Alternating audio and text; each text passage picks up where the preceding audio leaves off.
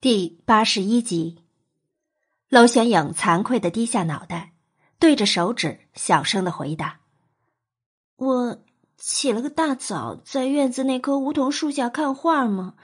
可树上的破鸟把屎拉到我书上，我很生气，就想爬到树上把它的鸟窝给端了。然后，然后这跟景浩有什么关系？我没想到会捅到马蜂窝。”一慌张，从树上掉下来。莫景浩去接我，然后我们一起掉下来。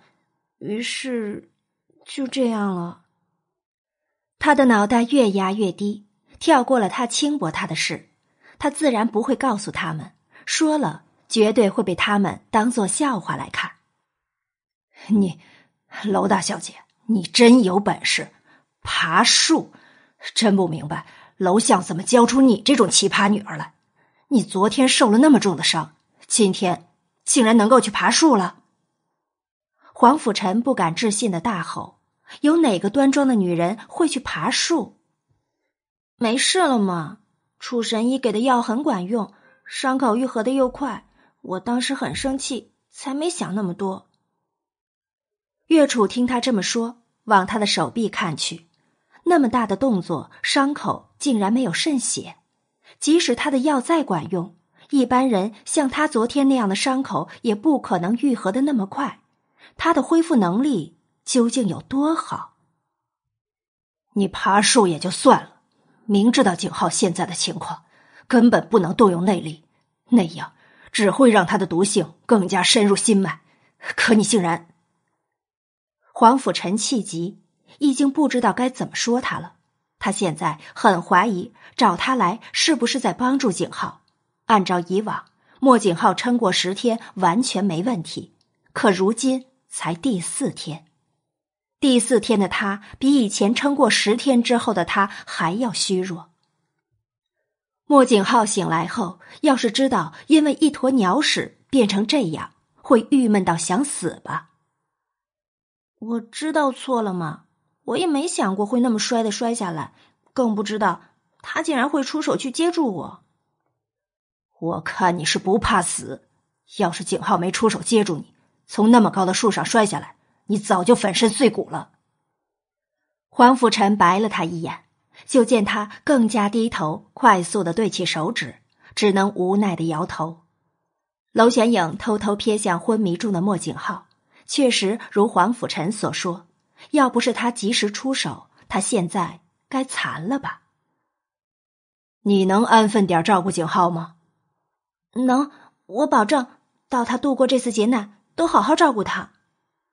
他立刻点头如捣蒜，只是在心里又补充了句：“他竟敢随便就亲他，等他恢复了，他绝对要跟他算账。”罢了。黄甫臣看着他，简直头痛。有时态度横到他想暴扁他一顿，有时候认错态度良好到又不忍心对他过于责罚。岳楚拍了拍他的肩膀，示意他别气了，而后转头看向娄玄影：“玄影，能要求你一件事吗？”“什么？”“我对冰魄蛇毒束手无策，很大程度上是因为无法直接研究这毒。景浩蛊毒发作这两年。”我连他脉象都摸不准，越到发作后期，根本碰触他不得。而你是冰破蛇毒的克星，我想其中肯定是有原因的。能不能从你身上放些血，让我带回去研究，好从中找出解药？岳楚看着他，说的很小心，知道这事很为难人，于是又补充了句：“不用很多，就一些。”娄玄影皱眉，咬着指甲，很犹豫。他不是不肯配合岳楚找解药，只是他的血，他左右手的异能都要靠身上的血，他的血液肯定比正常人奇特。他怕的是岳楚这活神医会不会从他的血里发现什么端倪。娄玄影，你怕疼？景浩为了救你，连命都差点搭上去。黄甫臣看不过眼。想不到他竟然连这么小的要求都不肯答应，之前都看走眼了。娄玄影朝他翻了个白眼，他怕死，可并不怕疼。要是没顾虑，他当然愿意献血给岳楚研究。刚来古代时，还被娄玄琴陷害，弄得满手血呢。他会在意那点血？会怕疼？他看向岳楚，不确定的询问：“你能研究出血里的什么东西？”你想问什么？月楚挑眉，听出了他话里似乎有话。他摇头，眉眼微低，咬着红唇，又看了莫景浩一眼，一闭眼，伸出左手，视死如归的说道。没事，你要抽多少就抽吧。月楚看着他直发笑，还真是可爱的女孩子。其实他和黄甫臣一样，挺看好他和景浩的。也只有这样热情似火的女子，才能融化那样的冰块儿吧。不多，只要放一点血就好。岳楚割破了他的手指，从他手上放了一茶杯底的血。他的小脸全都皱在一起，也不喊疼，就那样静静的看着血滴落。疼的话可以叫出来，女孩子怕疼没关系，我们不笑话你。娄玄影朝一旁说风凉话的黄甫臣白去一眼：“谁说疼了？一边去。”最后，岳楚替他将手指上的伤口包扎后，将茶杯收拾好，揉搓着微凉的手臂，交代他。屋子又冰凉起来了，应该需要你再去帮景浩一把。他默默点头，看着岳楚和黄甫臣退出房间，其实心里还是很担心，他的血在岳楚手中究竟能被挖出多少秘密来？希望他真的只是普通大夫。黄甫臣和岳楚出了房间，岳楚看着依旧紧绷着脸的黄甫臣，笑着以手肘撞了撞他。他还像个小孩子，不要跟他过于计较。更何况，景浩最清楚自己的身体状况，也知道内力是动用不得的，可却愿意两次为他出手，这是他的选择。黄甫臣无奈的叹息，停下脚步问岳楚：“景浩肯舍身救他，你觉得他是怎样想的？对他动了情？别想太多，动没动情，只有他自己清楚。”他不表露，你也别试图去猜测。我只知道玄影会是能帮助景浩的贵人。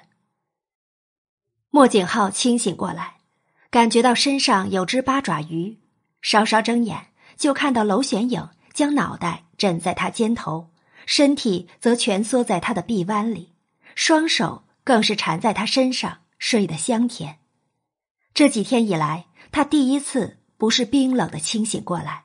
竟然是他睡在他身旁，他醒来后该怨他又轻薄欺负他了。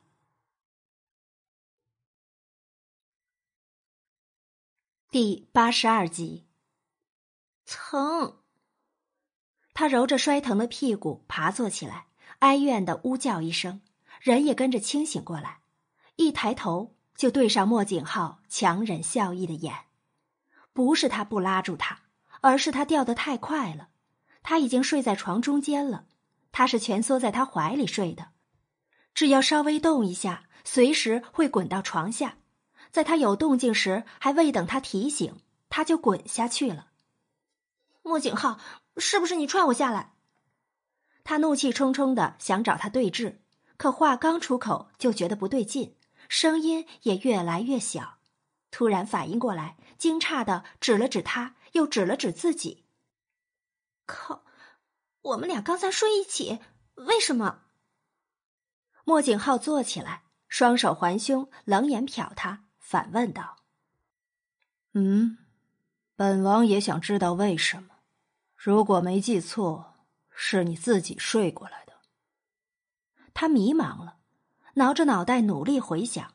早上黄甫臣和岳楚离开后，他全身又泛寒。他坐在他的床边，好像坐着坐着就趴下去睡着了。丫的，也就是说是他自己爬上他的床。看来你记起来了。娄玄影扁着嘴，找不到话来反驳。都怪他一大清早爬起来了，沾到床，瞌睡虫又被召回，然后不知不觉就睡着了。哼，不算数，是月楚让我照顾你的，我太困了。照顾着就跑到他床上来了。哦，他嘴角若有似无的扬起，也不跟他继续争辩。只要了解他的性子，就知道他争辩下去准该恼羞成怒。可惜他不跟他争辩，他却要跟他翻旧账。他腾的从地上站起来，双手叉腰，对他大吼：“莫景浩，我要跟你算账！早上谁准你亲我的？”莫景浩白了他一眼，淡淡的道：“因为你太吵。”娄玄影被噎着，他嫌他吵，就亲他。有意见？要不是你大清早不睡觉，跑去院子里爬树摔下来，本王也不用去接你，更不会。用那种方式让你闭嘴，一命换一吻，你不吃亏。更何况，本王更觉得吃亏。你，你，你……他指着他拟了半天，还是没想到怎样骂人的词。混蛋！他气得胃疼，得了便宜还卖乖，竟然说吻他是他吃亏，加上肚子不给面子的咕咕叫。好像他已经一天没吃饭了，不行，他要去找东西吃。他气愤的踩着重步往外走。莫景浩这渣，他一点都不想看见他。莫景浩摇头失笑，果然还是将他气跑了。他很快起床收拾一番，才刚走出院子，就听到北院传来两个女人的争吵声。他顿时感到头皮发麻，这种戏码还在上演，而且。从西院搬到北院来演，王爷，您是要出去吗？还是别出去吧？看到莫景浩往院门口走去，白泽和暗夜同时现身阻拦。王爷，如果您是担心表小姐，属下可以前去将她带走；如果您是担心娄小姐，应该不用担心，她不会吃亏。白泽游说道。说到后来。想到平日里向来盛气凌人的娄玄影，连自己都说不下去了。明眼人都知道他根本不可能吃亏。莫景浩抿着嘴，耳力极佳的后果就是他们的争吵声清晰的听进耳里，只让他觉得一个头两个大。白泽，出去告诉秦玉莹，再吵多一句，立刻滚回秦府去，以后也别再踏进景王府了。是王爷，白泽拱手领命，等着他的下文。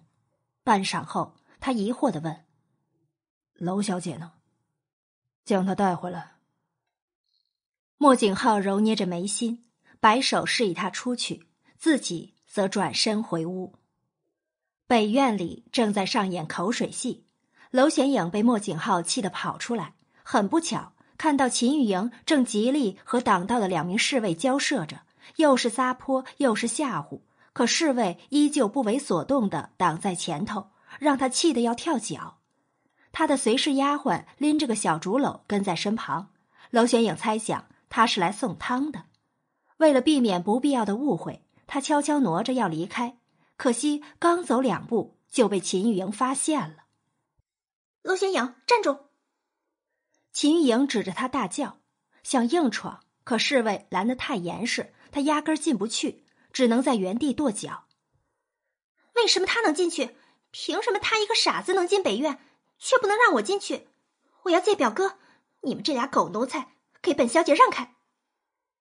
侍卫根本不买他的账，任凭他在眼前大吼大叫，依旧不为所动。娄仙阳，你出来！勾引表哥，你的手段可真高明！贱人，连侍卫都勾引！才让他们睁只眼闭只眼，让你进去，真不要脸！秦玉莹气急，已经开始口不择言的对着娄玄影破口大骂起来。娄玄影听到他越骂越难听，原本打算离开的念头也瞬间打消。他停住脚步，缓缓的转身，看着犹如泼妇骂街般的秦玉莹，突然古怪的笑起来，而后一步步朝他走过去。素养真不咋地，骂呀！你再使劲骂，我可提醒你，你在这里像泼妇骂街一样骂这么大声，你表哥可听得一清二楚。他现在估计在怀疑你爹有没有把你教好了。娄仙影，别否认，你这个狐狸精肯定是勾引了侍卫，他们谁都拦，就是不拦你。哼，我可不像你，思想那么龌龊，净想着勾引男人的事。我是得到你表哥特许进来的，而且，好歹皇上一道圣旨把我送来景王府，我能进出北院，不是很正常吗？倒是你，时不时要来找表哥，也不懂避嫌，急不可耐要上门现身。可惜你表哥不屑要。娄玄影双手环胸，嘴角扬起，露出讽笑。要不是秦玉莹骂得过分。他压根儿不想跟他一般见识，骂人句句带脏，这种功力还没让他放进眼里。秦玉莹的脸涨成猪肝色，很快又变得铁青。娄玄影，你这不要脸的！明眼人一看就知道谁比较不要脸。你不是觉得勾引了侍卫就能进得来吗？要不你试着在他们面前脱光了，看看他们放不放你进来？对比秦玉莹的熊熊怒火，娄玄影笑得好不惬意。他最喜欢幸灾乐祸的看着别人跳脚了。第八十三集，秦玉莹用力推着侍卫，边推边叫嚣着：“娄仙影，我要你好看，自己不要脸，竟然还污蔑我！”侍卫纹丝不动，最后实在受不住他。长戟轻轻一送，秦玉莹就滚到地上去了。哼，都说了让你试着勾引侍卫大哥了，我知道是因为我在的原因，你不好意思。算了，我走吧，你好好跟他们玩玩。娄玄影哈哈大笑着，一转身就看到犹如鬼魅般的白泽悄无声息的站在他的身后，吓了他一大跳。神兽，你要吓死我呀！白泽瞥了他一眼，什么话都没说，一步步走向秦玉莹等人。白护卫，两名侍卫见他出现，很恭敬的拱手朝他行礼。白泽轻点了头，冷眼看向秦玉莹，一板一眼传达莫景浩的意思：“表小姐，你刚才骂人的话，王爷听得清清楚楚。王爷交代，若你再吵一句，马上回秦府去，以后。”也不准再来景王府。秦玉莹抖着唇，先是羞愧，紧接着美眸里又蓄满了愤怒，指着娄玄影质问他：“那他呢？他也骂了我，表哥怎么可以只凶我？”白泽再次朝娄玄影看过去，他那表情完全是在看戏，可没有任何做错事的自觉。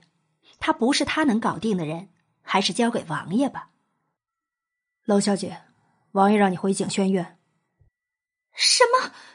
为什么他能进去？秦玉莹红着眼，一改刚才的泼妇样，瞬间化身小绵羊，一副受了大委屈的模样，泪水在眼眶里打转，随时都要哭出来一般。他千盼万盼才将表哥从边疆盼回来，又费了那么大功夫才住进景王府来，可他的所有计划还没开始。就因娄玄影的出现，全乱了。没人理会他的委屈。秦玉莹终于知道自己在众人面前像只小丑，她咬着红唇，恨恨的看着娄玄影。娄玄影直视他含恨的目光，轻笑了笑，挑衅般用暧昧的语气对他道：“我进去看你表哥了，拜拜。”白泽跟在他身后，一路往景轩院。就在他不解他何时变得这么乖巧时，他突然停下脚步，折了个方向，朝围墙跑过去。他心里有不好的预感，身影嗖的一下挡在了他的跟前。娄小姐，你现在不能出府。他的速度很快，娄玄影差点撞上他，好在及时止住了步子。神兽，你武功高也不带这样炫呀！欺负我不懂武功是吧？白泽不敢。白泽低着眼，嘴上说着不敢，可依然坚决挡在他前头。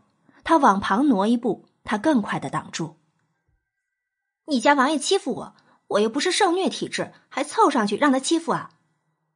娄玄影自知，他要是不让步，必定过不去，也懒得浪费体力跟他耗。呃，白泽错愕的瞪大眼，不敢相信自己听到的。王爷欺负他？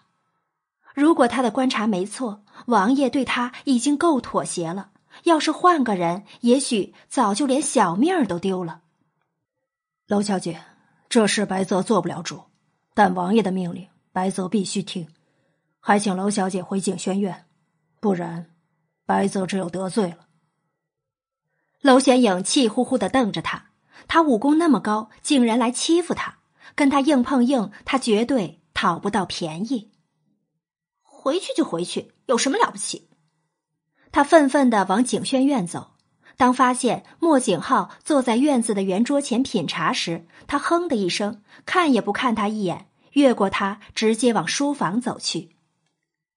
娄玄影在书房里画画，画的不满意，纸张一揉就往地上扔，很快地上就堆了一堆废纸。天色渐暗下来，他频频打呵欠，最后因为坚持不住，直接趴在书桌上睡着了。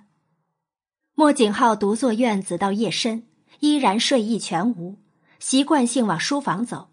当看到书房的烛火还亮着时，猛然想起那儿已经被娄玄影霸占了，只好折回房。书房的烛火亮到半夜还没熄，他几乎可以肯定他睡着了，说服自己只是去书房拿兵书。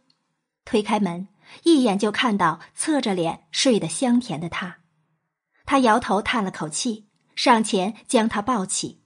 当他瞧见他贴着书桌的那侧脸沾满墨汁时，终于忍俊不禁的轻扬嘴角。竟然能睡得如此天昏地暗，连脸上沾到墨汁都不知道。然而，没等他高兴多久，就发现他整个人往他身上贴近，脸上的墨汁更是全部都抹在他纯白的衣裳上。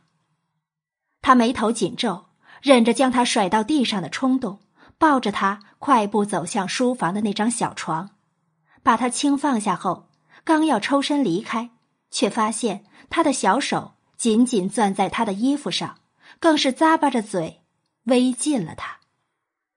掰着他的手，硬是将他扯离，又替他盖上薄毯。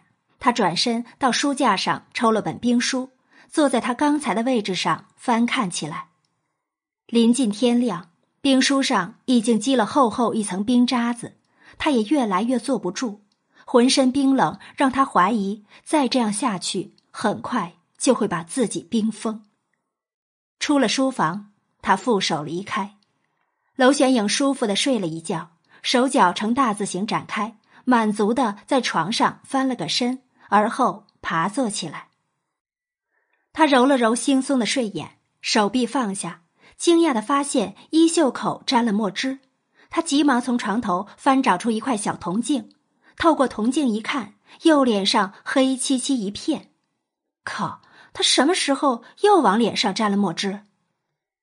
他左思右想，总算想起昨晚他在练画，后来因为太困就趴下了，想着趴会儿再起来画画的，可似乎一觉到天亮，根本没醒来呀。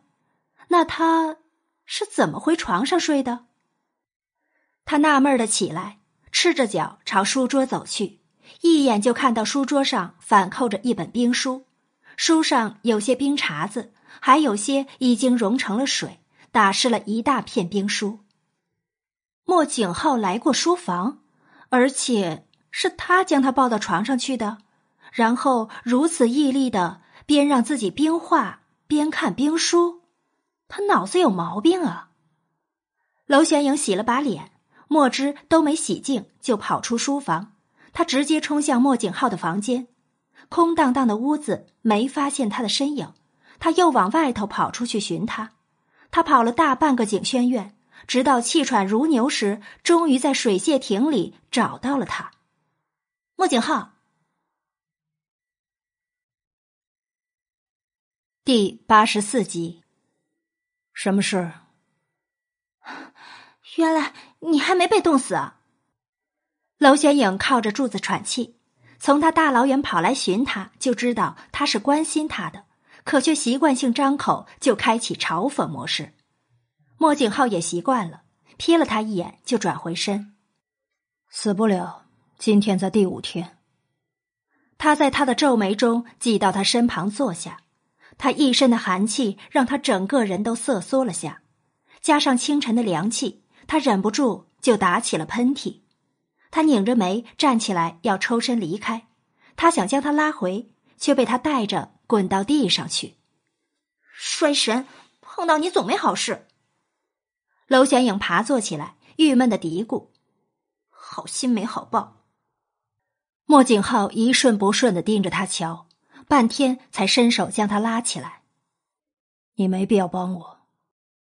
既然我答应了黄甫臣他们，就会做到。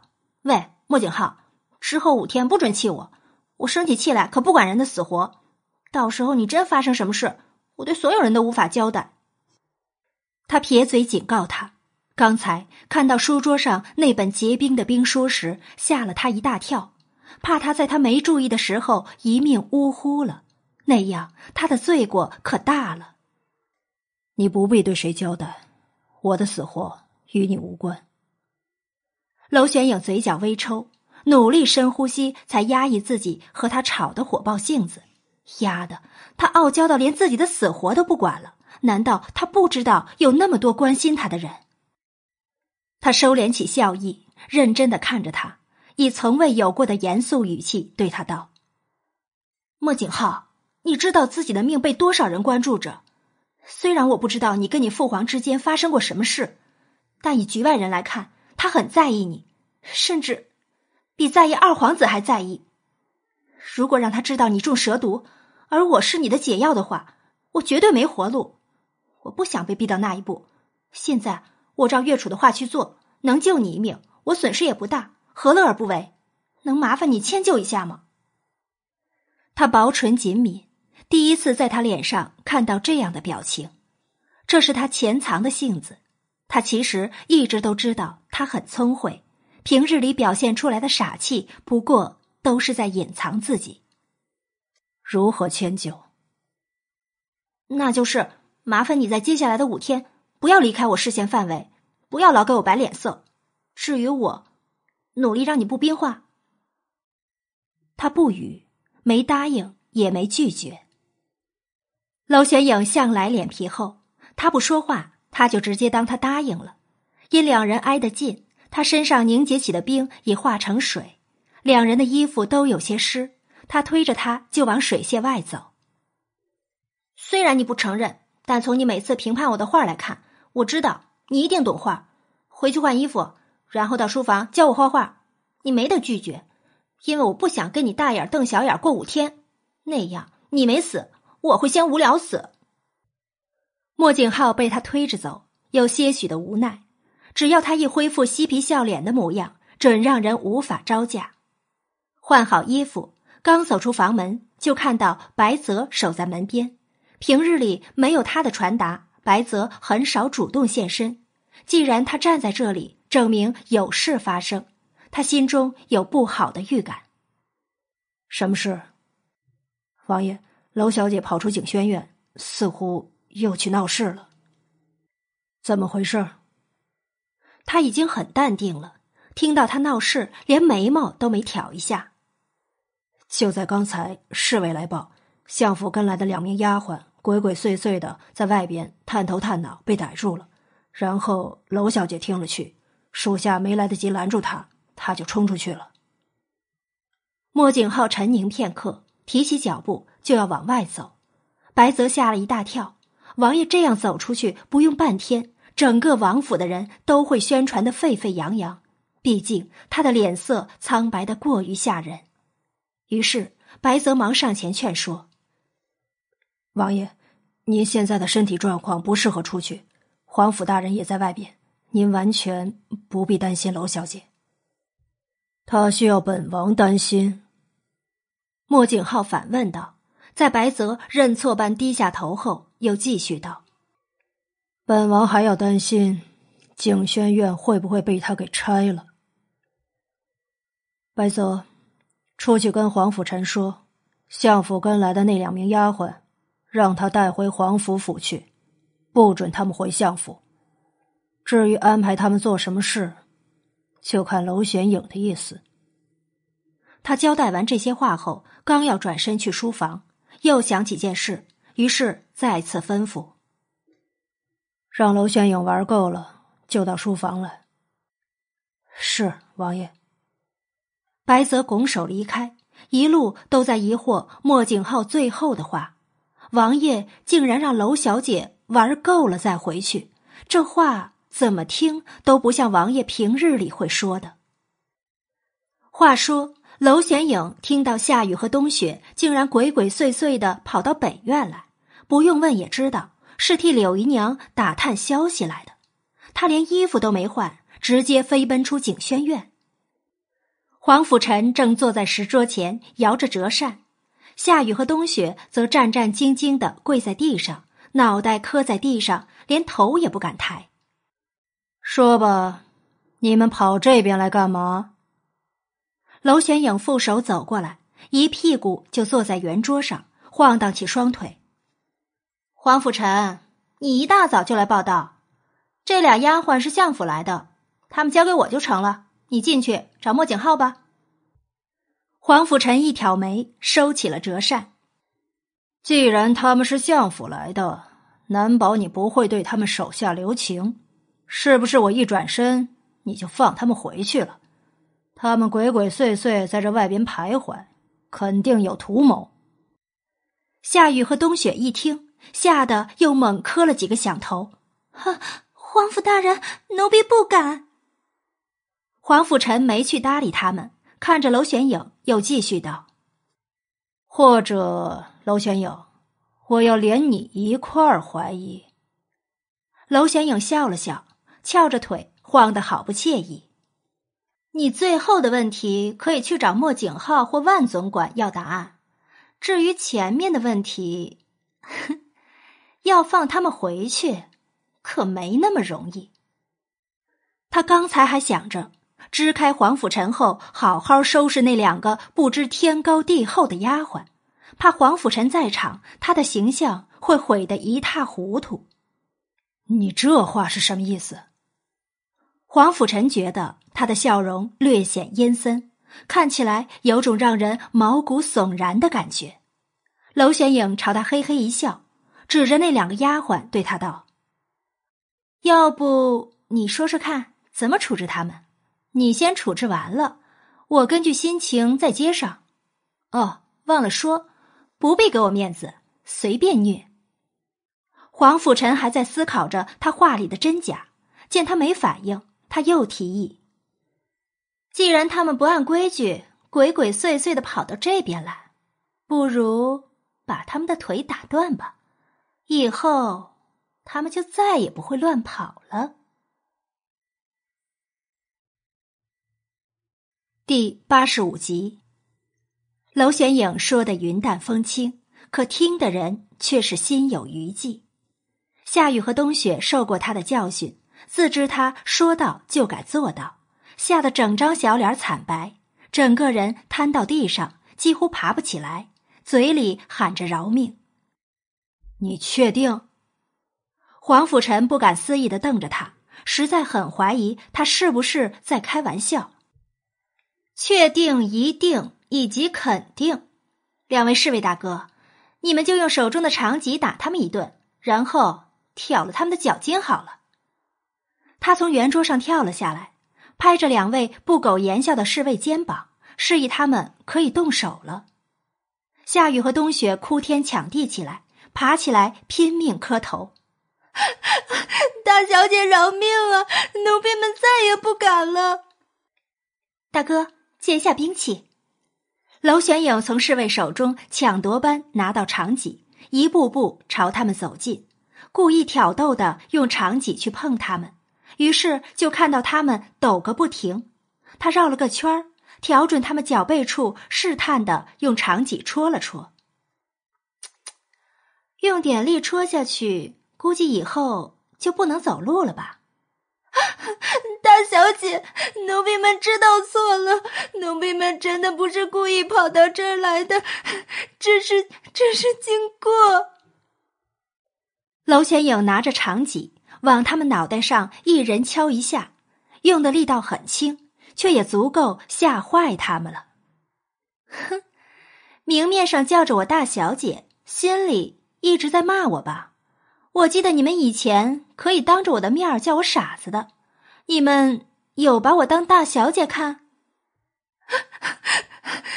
奴婢们知错，知错还不听话？我让你们安分去干活，你们倒好，竟然跑这边来，谁给你们胆子的？说，柳姨娘让你们跟着我来景王府有什么目的？夏雨和冬雪一听，同时拼命摇头。哈，大小姐，柳姨娘只是让奴婢们好好伺候你，并没有什么目的。娄玄影冷哼一声，又一人赏了他们一脚。哼，当我这么好骗呢？算了，就把你们手筋脚筋挑断，扔进猪圈里，同猪一起生活好了。至于柳姨娘的意图嘛，总有一天我自己也能查出来。他说着。举起长戟，果真戳在某条腿上。他到现在还分不清楚谁是夏雨，谁是冬雪。至于谁的腿被他挑中，那就是他倒霉了。才刚见血，就听到杀猪般凄厉的惨叫声。那丫鬟惨叫后，更是直接晕死过去。这么不惊吓，他还没真正挑断他的脚筋呢。哎，换你吧。一会儿等他醒来再继续，醒着才有虐待人的快感。这么不经玩，还想着挑完手筋脚筋再抽几棍子的。娄玄影惋惜的说着，又绕到另一边，准备继续折磨另一个丫鬟。夏雨一听，惨白着脸，爬到娄玄影面前，拼命磕头求饶。大小姐饶命啊！求求你不要挑断奴婢的手筋和脚筋。奴婢家里上有老下有小，奴婢说，奴婢全说。啊，那说吧。柳姨娘吩咐奴婢们多留意景王府发生的事，特别是王爷发现什么跟他汇报的话，重重有赏。留意莫景浩，他想做什么？大小姐，奴婢真的不知道，这个真的没有说谎。啊，我想想啊，你这样也算忠心为主效力。娄玄影摸着下巴，自言自语起来。夏雨一听，似乎有转机，求饶求得更卖力了。大小姐，奴婢再也不会替柳姨娘卖命了，一定会尽心尽力伺候您的。别，我可受不起，让你们伺候我小命什么时候丢的都不知道。更何况，你们这种一吓唬就出卖主子的人，我才不要。难保哪天有人将刀架在你们脖子上，我就被你们出卖了。哼！黄甫臣在一旁听得直发笑，横竖都是他有理。他已经开始有些同情那两名丫鬟了，不说实话遭威胁，说了实话又被嫌出卖主子，得罪娄玄影，估计日子会很难过。娄玄影听到笑声，朝黄甫臣瞪去一眼：“笑毛笑，让你滚你又不滚，让你来你又在发愣，我亲自动手了，你又在一旁笑。”黄甫臣摸了摸鼻子，他这样是不是也得罪了他姑奶奶？不过。看戏的感觉真不错，皇甫大人。白泽突然从他背后冒出来，心思都在看戏上的黄甫臣没注意，愣是被他吓了一跳。白泽，下次出现能先给个提醒吗？白泽面无表情的点头，而后将莫景浩交代的事传达出来。皇甫大人，王爷让您把那两名丫鬟带回皇府府去，但不能让他们回相府。至于安排他们做什么事，就看娄小姐的意思。还有，娄小姐，王爷让你玩够了，就去书房找他。为什么？黄甫臣抗议。他为什么平白无故要收两个居心叵测的丫鬟到府里？哼，这个好，黄甫臣，让你府里的人将他们看牢一点，既让他们回不了相府去告密，又能在眼皮底下随时可以抓出来虐一虐。娄玄影一听，非常赞同莫景浩这个决定，立刻凑上来拍手欢呼。至于让他们做事嘛，你不用跟他们客气，哪种活最累最难做，就让他们去做，砍柴、拔草、搬砖、挑泥，随意选。黄甫臣一脸黑线，我府里有男丁，你把他们当男丁使唤吗？你是有多恨他们？要不是怕挑断他们脚筋，府里要养个废物，我还真想动手。他们以前欺负我时，可不管我是不是他们的大小姐，好几次被他们推着去撞墙，撞得头破血流，而我很记仇。娄玄影歪着脑袋。看了夏雨和冬雪一眼，愤愤的道：“换做别人，今天跑到这北院来，他也懒得去过问。他自己好奇心就很重，断然不会因这事就如此重罚他们。可他们以前对他百般欺辱，虽然不是他本人，但他拥有记忆，逮着机会不教训回来，他还是娄玄影吗？你会被欺负？他们只是丫鬟。”黄甫臣觉得很不可思议，他根本不像会被人轻易欺负的样子，而且还是丫鬟。你真当我从小到大是在装傻？娄玄影白了他一眼，也不跟他多做解释，将长戟丢回给侍卫，摆了摆手，就朝景轩院走。他们交给你处理了，记得好好款待他们。学画画去，顺便摸一下莫景浩的画画功底。他总觉得他应该很懂画。第八十六集，玩够了。他头也未抬的出声询问，然后就听到他嘿嘿的傻笑声。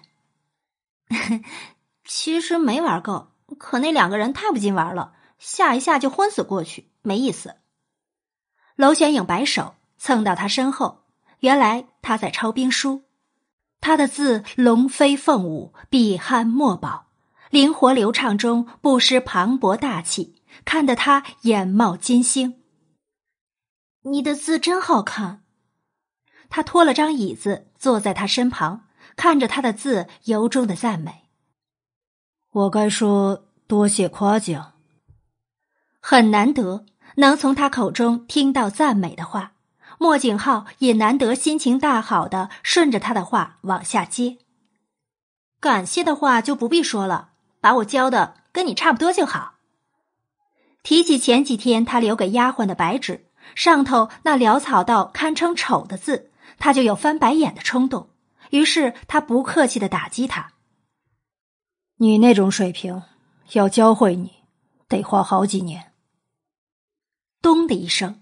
娄显影的脑袋磕在了书桌上，伤心的哀嚎：“不带你这样打击人的！明明有人说我很有天赋。”易君谦，他抬起头来，诧异的看他：“你怎么知道？”他嘴角微掀，似看白痴般瞟了他一眼，凉凉的道：“教你的不就只有他？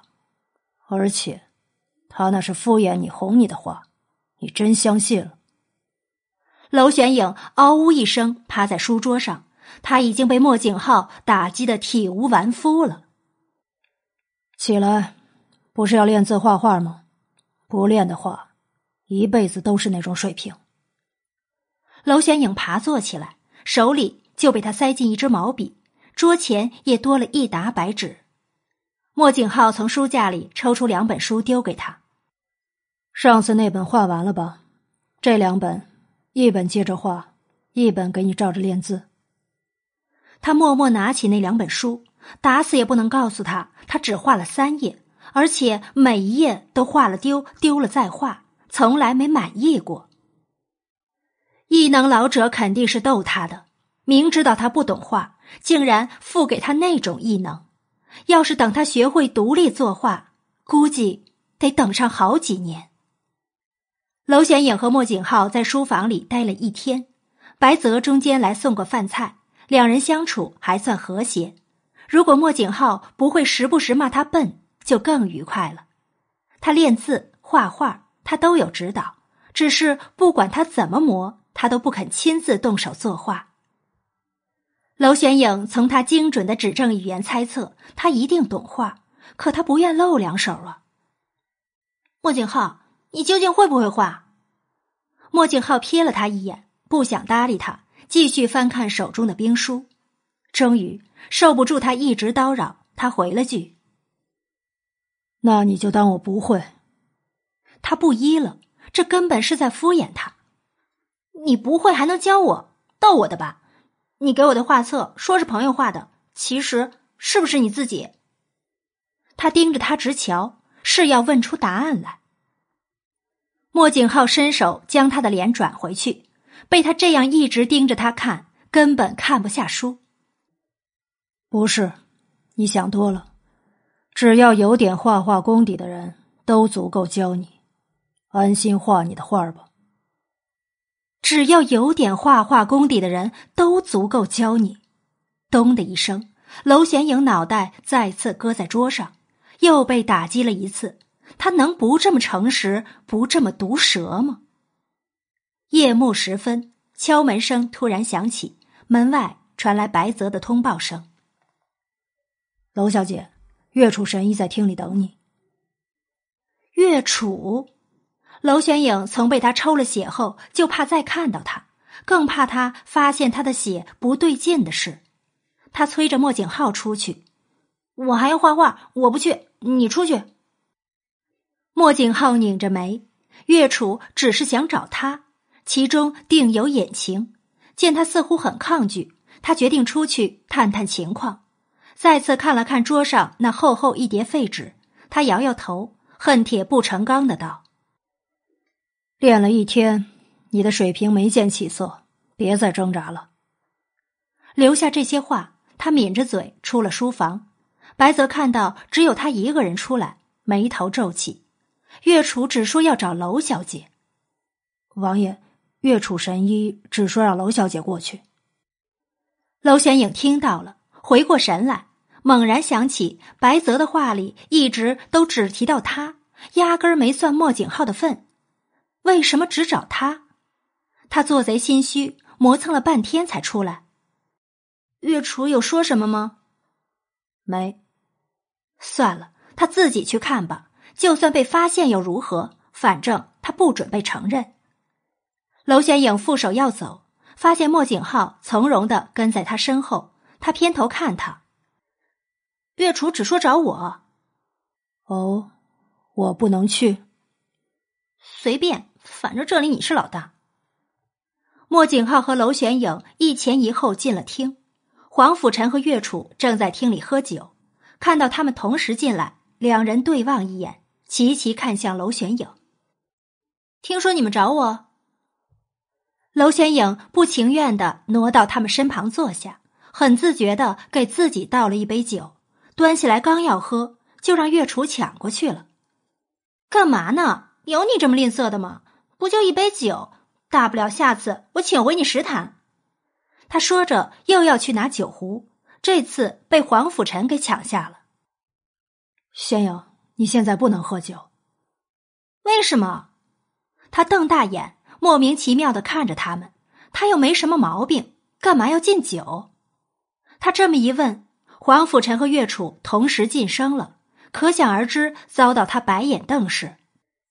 切，酒壶给我！娄玄影站起来朝黄甫臣伸手，大有不给就要去抢的冲动。你们俩有什么事瞒着我？直接说。莫景浩在一旁看了半天，娄玄影对他们还不了解，可他不同，他们随便使一个眼色，他都能够看出端倪，更何况。他们还把话挑得那么明了。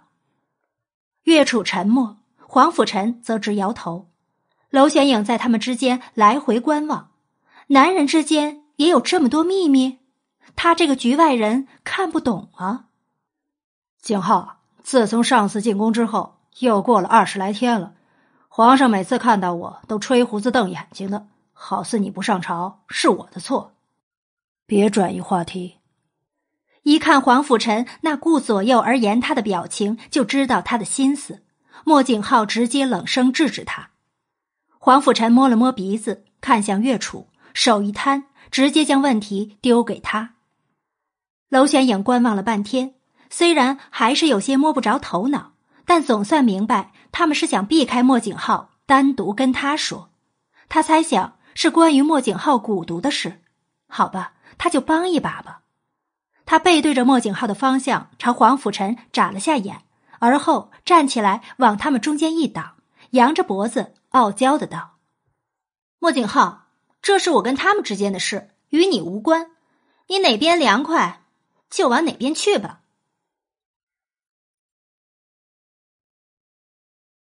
第八十七集，没礼貌的粗鲁男人。他用力掰着他的大手，可怎么都挣脱不得。于是他张口就要往他手臂上咬去。你敢？被莫景浩一瞪，他张着口，硬生生停住了，撇嘴拍开他的手。你以为我想咬啊？只是想让你松手而已，你不就是想知道他们要告诉我什么事？我直说好了，易君谦答应每天教我作画的，可他们不准我出去，我就让他帮我去找易君谦呗。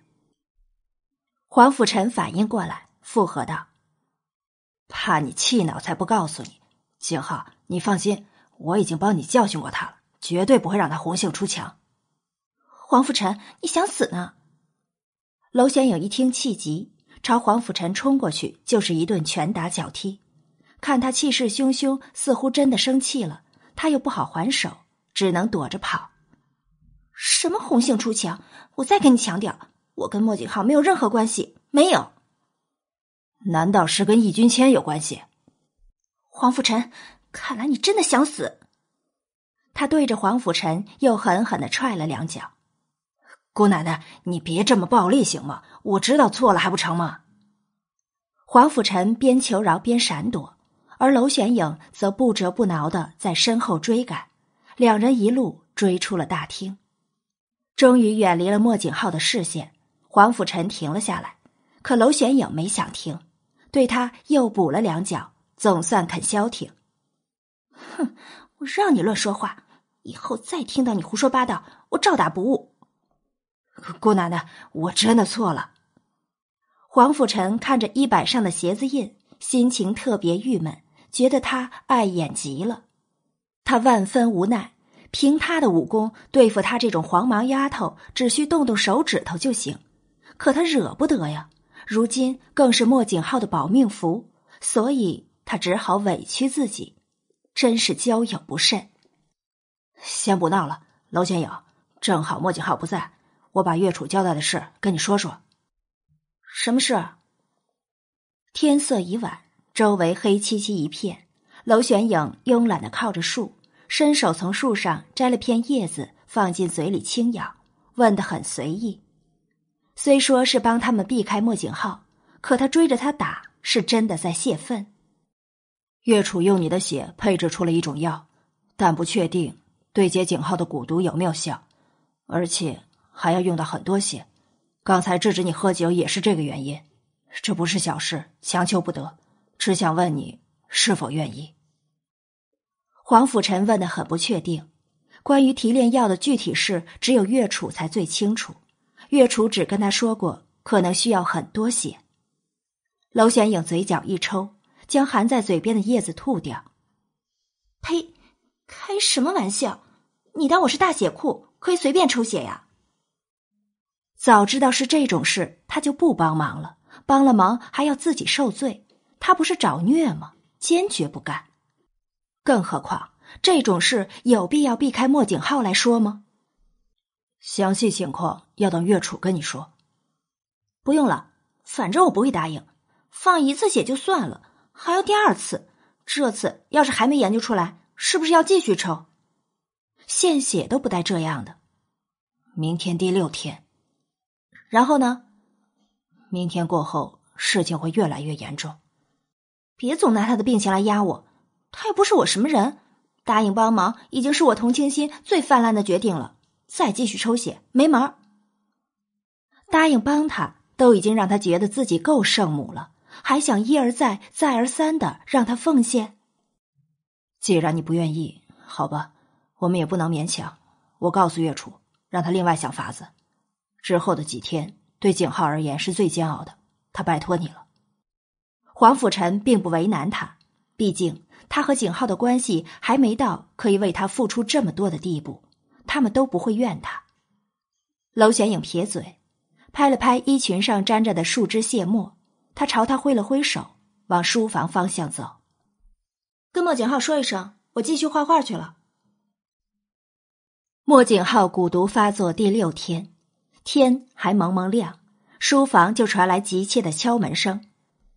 娄玄影在睡梦中被吓醒，从床上爬坐起来，睁着迷茫的睡眼，恼怒的冲门外的人大喊：“哪个缺德的家伙！现在天都还没亮，好吗？我要睡觉。”娄玄影，马上给我起来！景浩出事了！门外传来黄甫臣急切的声音，他拍着门板，根本没停止过。娄玄影甩了甩头，半晌才消化他的话：“莫景浩出事了。”他快速穿妥衣服，抹了把脸，就开门冲出去了。怎么回事？黄甫臣也来不及跟他解释，拉着他就往莫景浩的房里跑。还没进门，娄玄影就感到阵阵寒意袭来，刺骨的冰冷让他整个人都发起抖来。两人跑进里屋，娄玄影惊讶的发现，莫景浩整个人已经被冰封了近三分之一。他。不会死了吧，娄玄影，你别乌鸦嘴！黄甫臣气急败坏的朝他大吼，他被吼得忙捂住耳朵往后退，脑袋也缩了缩。我不是咒他，只是他这样子。你帮他解除冰化。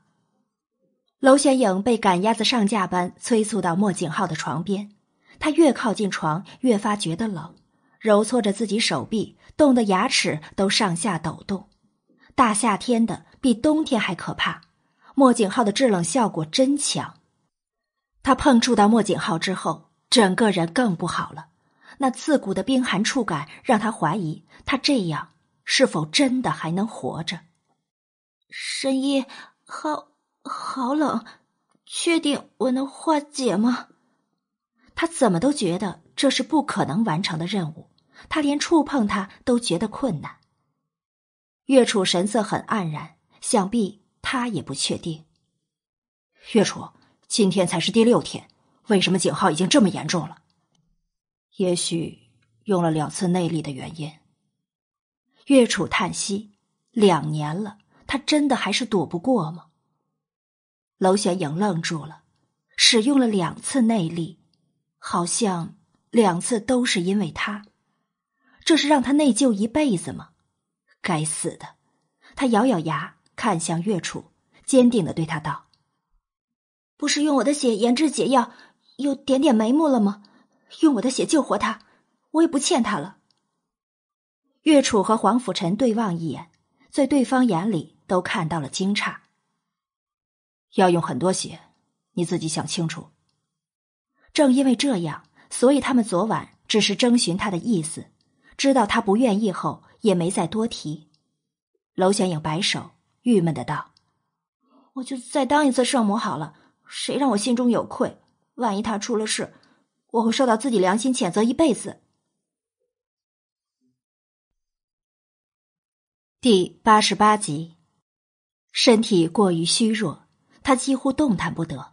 好不容易睁开眼，果真发现怀里躺着个人，瞥了一眼。他就已经确定，又是娄玄影。床上的动静引起了守在房里猛打瞌睡的黄甫臣和岳楚，他们几乎第一时刻奔到床前，脸上的表情很惊喜。景浩，你终于挨过来了。莫景浩皱眉，抬起那只还自由的手，撑着有些晕眩的脑袋。怎么回事？你竟然不知道怎么回事？你差点把自己冰封了。是吗？他说的云淡风轻，仿佛谈论的不是自己的事，可气坏了一旁的黄甫臣和岳楚。他可知道前几天差点把他们吓死。娄玄影为什么会睡在这里？这女人可真能睡，周围这么大动静都不能把她吵醒。要不是她现在使不上力，准把她丢下床去了。把她弄走。黄甫臣和岳楚对望一眼，无奈的抚额。要是娄玄影现在是清醒的，听到莫景浩这话，肯定跳起来跟他急。应该不行。黄甫臣犹豫了很久，才终于开口，在他挑眉中继续解释。第一，今天是你蛊毒发作第九天。莫景浩错愕，打断他的话：“我昏睡了几天？三天。嗯。”莫景浩眉毛微挑：“这么轻易就过了九天？如果他现在不是这么虚弱，黄甫臣很想上前揍他两拳。他难道不知道自己差点死了吗？竟然说这么轻易过了九天？”如果没有他，你也许现在就长眠了。还有一天半的时间，你就和他躺在床上别动好了。什么意思？莫景浩这时才感觉到娄玄影的身体烫的不正常，而自己全身也是温热的。按照以往，蛊毒发作期十天里，他的身体都是冰冷的。他手一使劲，将趴在他怀里一动不动的女人给拉了开来。只见他向来红润的脸，如今毫无血色，连嘴唇都泛白。这么大动作，仍然没让他清醒过来。他怎么了？他轻拍着他的脸，被手上传来的热度给惊住了，瞳孔收缩，心中已经有了不好的预感。是他救了我。是的，有些事还是必须要让他知道，不能让娄玄影白付出。他做了什么？你体内最少有五碗他的血。莫景浩惯有的淡然不见了，收紧右手，搂着怀里昏迷不醒的他，他的眼里似乎有了往常所没有的复杂情绪。他有没有性命危险？没有，这点岳楚还是能保证的。他什么时候会醒？不清楚，他昨晚开始昏迷的。莫景浩冷着脸不再说话，半晌之后才叹息：“你们这是让我欠着他一辈子吗？”黄甫臣自知他最重情义，娄玄影救他这事，他也许真的能记一辈子。他们俩，一个为了不欠人情选择救人，另一个因为被救而反欠人情，注定他们这辈子牵扯不断了。这是你跟他的事。你知道，我们不会让你死的。娄玄影病了，病得很严重，他整整昏迷了一天，闭眼前天是黑的，醒过来那会儿发现天还是黑的。你醒了。黑暗中，耳边传来莫景浩漠然的冰冷声音，他揉着两侧太阳穴，半天才回过神来，身体软绵绵的，使不上劲儿，身上。也盖着厚被子。你没死。莫景浩嘴角一抽，这是问候人的话吗？你这么拼命救我，我要是死了，你的血不是白费了？娄玄影一愣，费了好大的劲儿才偏头看向他。黄甫臣他们跟你说的？该死的，他不是说还他人情，不用告诉他吗？只是想让自己心安理得，以后各归各路时就能潇洒的拍拍屁股走人了。不然你以为我神算？莫景浩白了他一眼，从床上起来，点亮了房里的烛火，顿时黑暗的屋子光亮起来。他踢开被子，努力爬坐起来，还没坐定，就觉得整个人天旋地转，要不是强撑着，肯定又一头栽回床上去。冷意侵袭全身，他的鼻头也突然酸痒。他连打数声喷嚏，鼻尖还挂着鼻涕。抬头一看，正好对上莫景浩的眼神。他正朝床这边走回来，他轻呜一声，抬手就要去擦鼻涕，丢脸丢到姥姥家了。还没等他袖子抹到鼻涕，就被莫景浩拉住了。他从他衣袖间抽出手绢边替他擦鼻涕边嫌弃的道：“脏死了。”替他擦完鼻涕，他随手就将脏的手绢扔地上去了，扯过被他踢开的被子，将他裹得严严实实。娄玄影使不上劲儿，只能任他摆弄，可扁着的小嘴儿显示了他此刻的委屈。他身体会这么虚弱，大热天全身发冷，还喷嚏连连，这些不都是他害的吗？在他面前丢脸也就算了，竟然还被嫌弃脏。既然你没事了，那我回书房。他扯开被子，冷意又袭来，冻得他牙齿都在打架。就睡这儿，都一起睡四天了，这么多天都过来了。呸！娄玄影打断他的话，激动的要推开他，可手完全无力，连用力说话都费劲儿。你少毁我清白！什么叫一起睡四天？别人听去还以为我们把什么事都做了。可这四天不是你昏迷就是我昏迷，要不是被迫，我才不会跟你躺一起。莫景浩认真盯着他看，半晌后再次替他把被子裹紧。他靠着床柱，淡然的对他道。我可以对你负责，可以娶你。娄玄影一听，不敢置信的瞪大双眼看他。一般女子听到这话，肯定要喜极而泣了。然而她不是一般女子，她怒叫一声，朝他扑过去，打算对他一阵拳打脚踢，胸中怒火冲天。可惜没认清自己身体的虚弱程度，他整个人往他怀里扎了过去。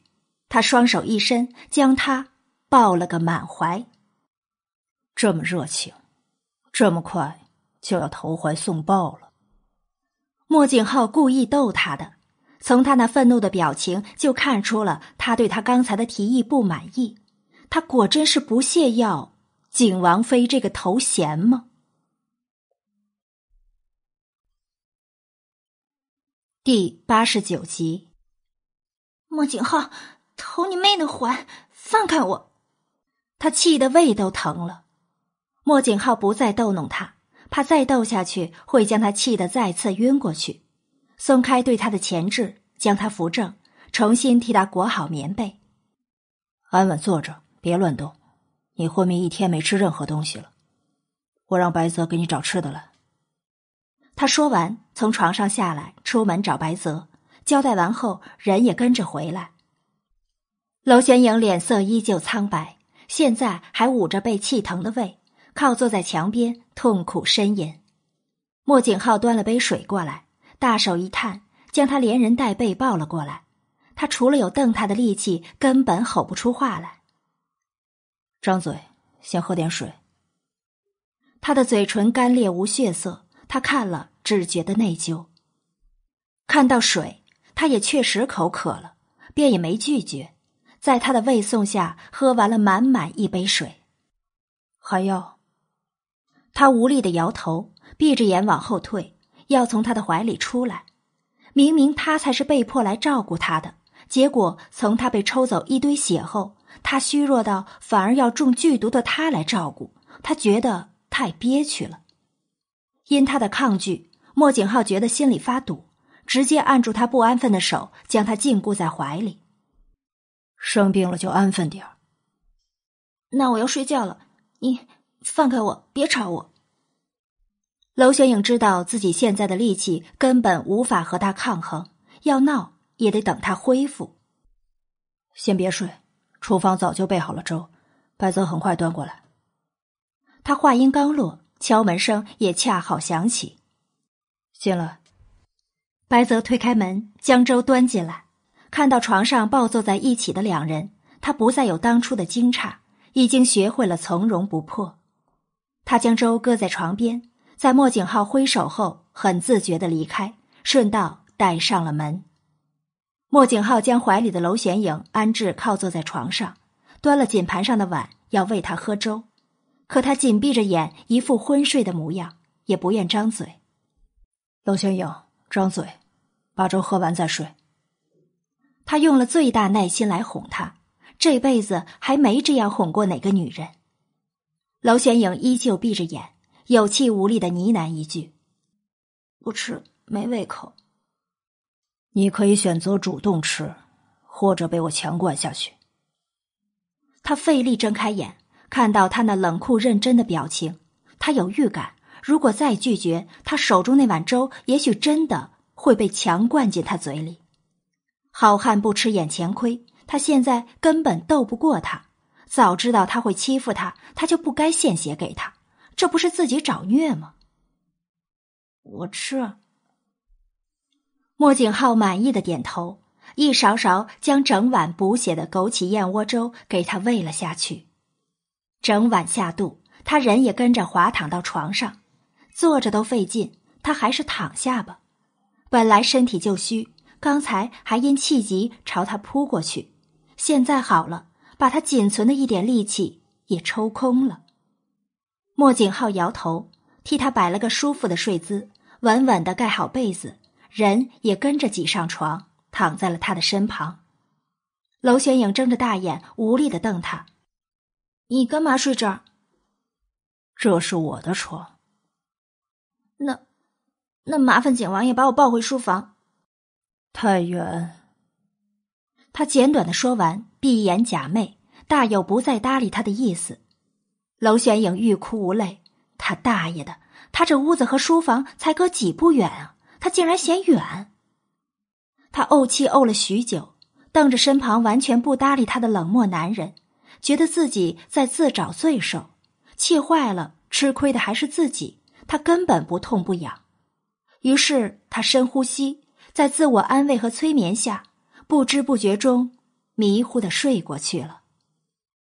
听着他匀称的呼吸，莫景浩转头看他，他睡得很安稳。小嘴有时候会咂巴一下，他对他的感觉很复杂，不像厌烦其他女人那样厌恶他的近身，却也知道离喜欢还很遥远。毕竟他好几次都有掐死他的冲动，将他摔出去更是很顺手的事。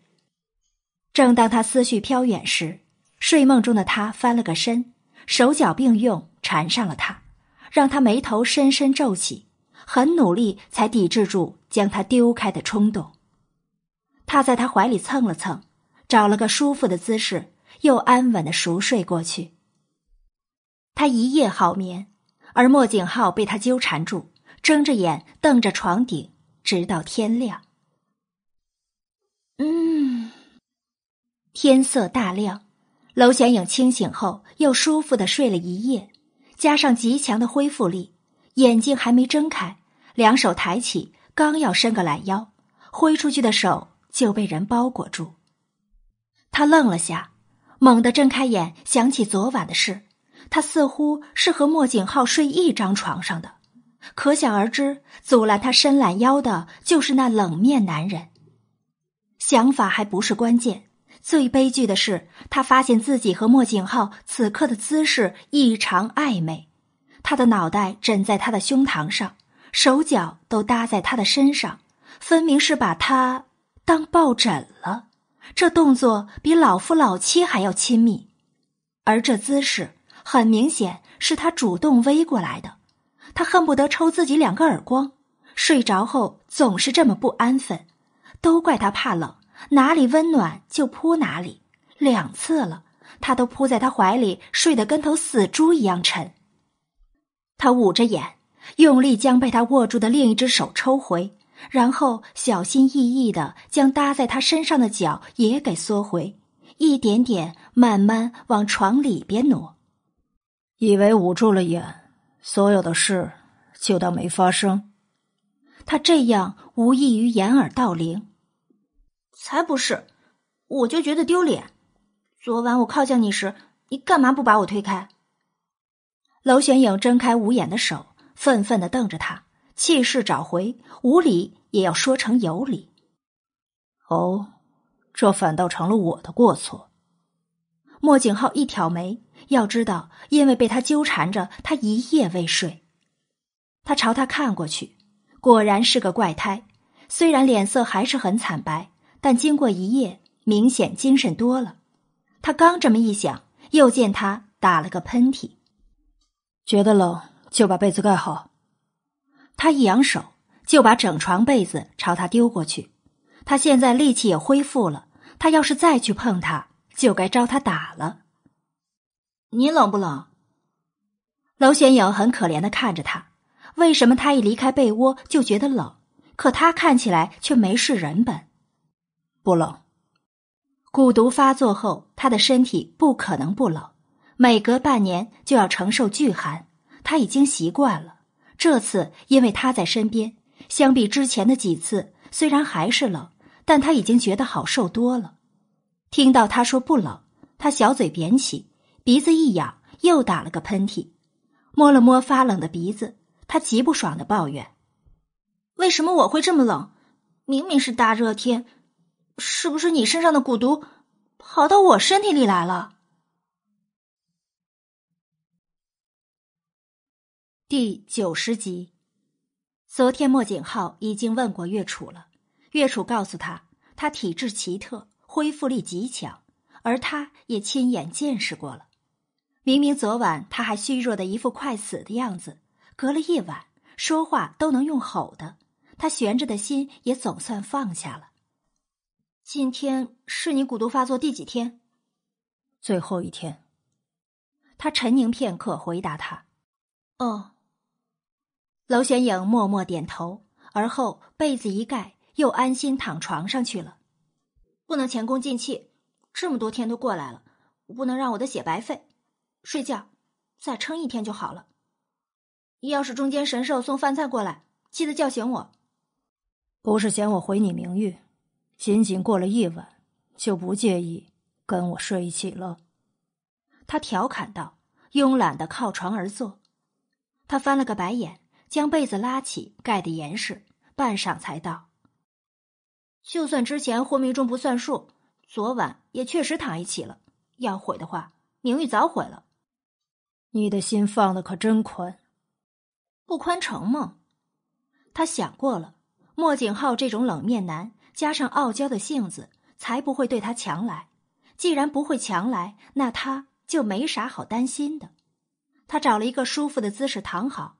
一抬眼，正发现他紧盯着自己瞧，那眼神包含的情绪太多，让他一时之间摸不清头绪。你干嘛这样看我？他奇怪的问，而后突然咧嘴笑起来：“嘿，景王爷，你不会突然之间喜欢上我了吧？为了安全起见，我是不是不应该和你凑太近？”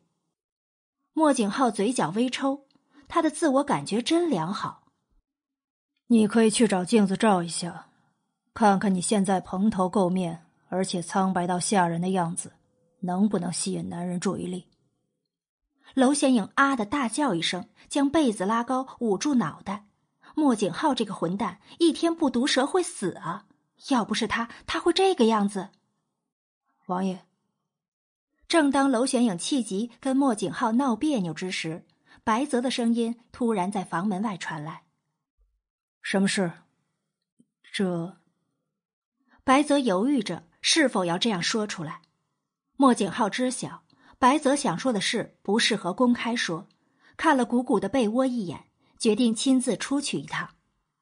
见莫景浩出现，白泽小声的道：“王爷，风华公子在大厅里等着，他说要见娄小姐。”易君谦。莫景浩一挑眉。听到这名字，有些不悦。是他，王爷，是要知会娄小姐一声，还是去回绝他？莫景浩迟疑，他的本意是不想让娄玄影和易君谦过多接触。易君谦接近娄玄影，绝不仅仅是想教他画画。可若阻止他们见面，他日让他知道了，他一定不会罢休。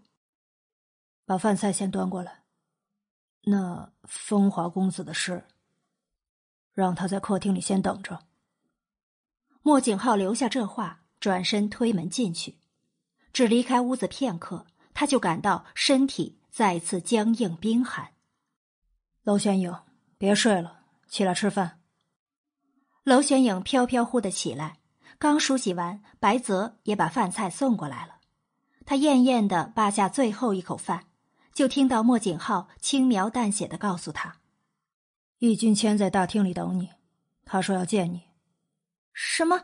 易君谦，他来找我。嗯。他轻嗯了声，依旧悠闲的吃着饭。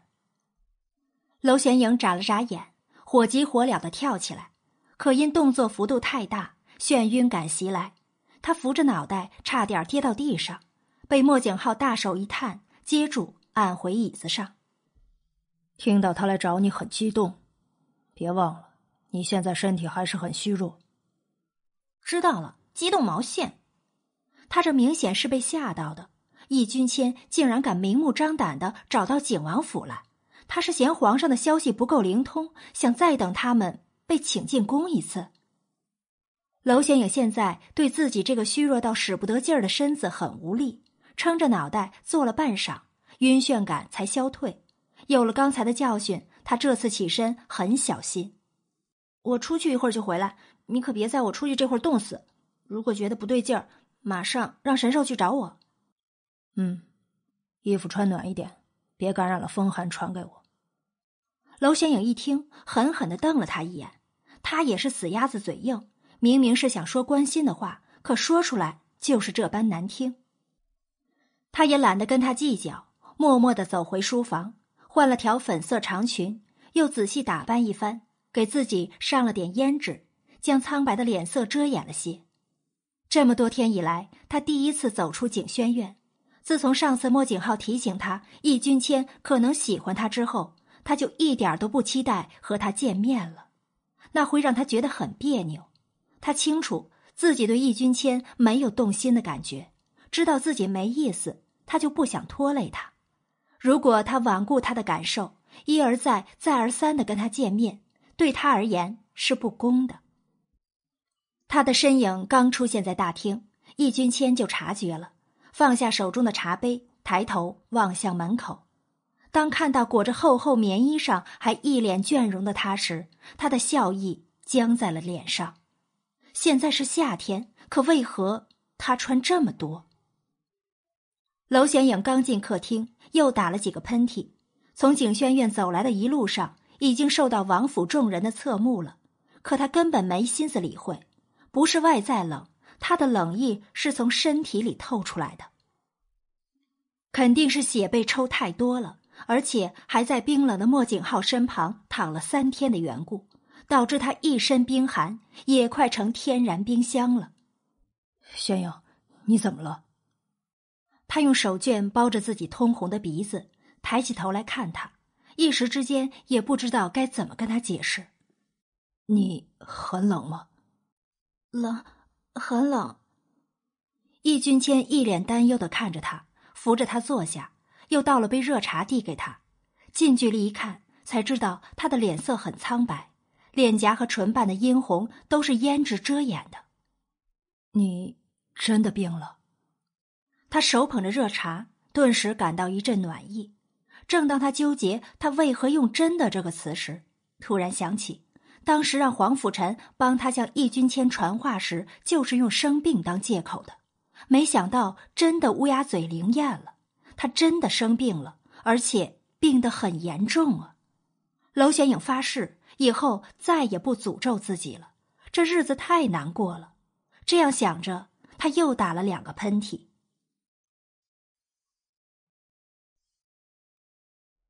第九十一集。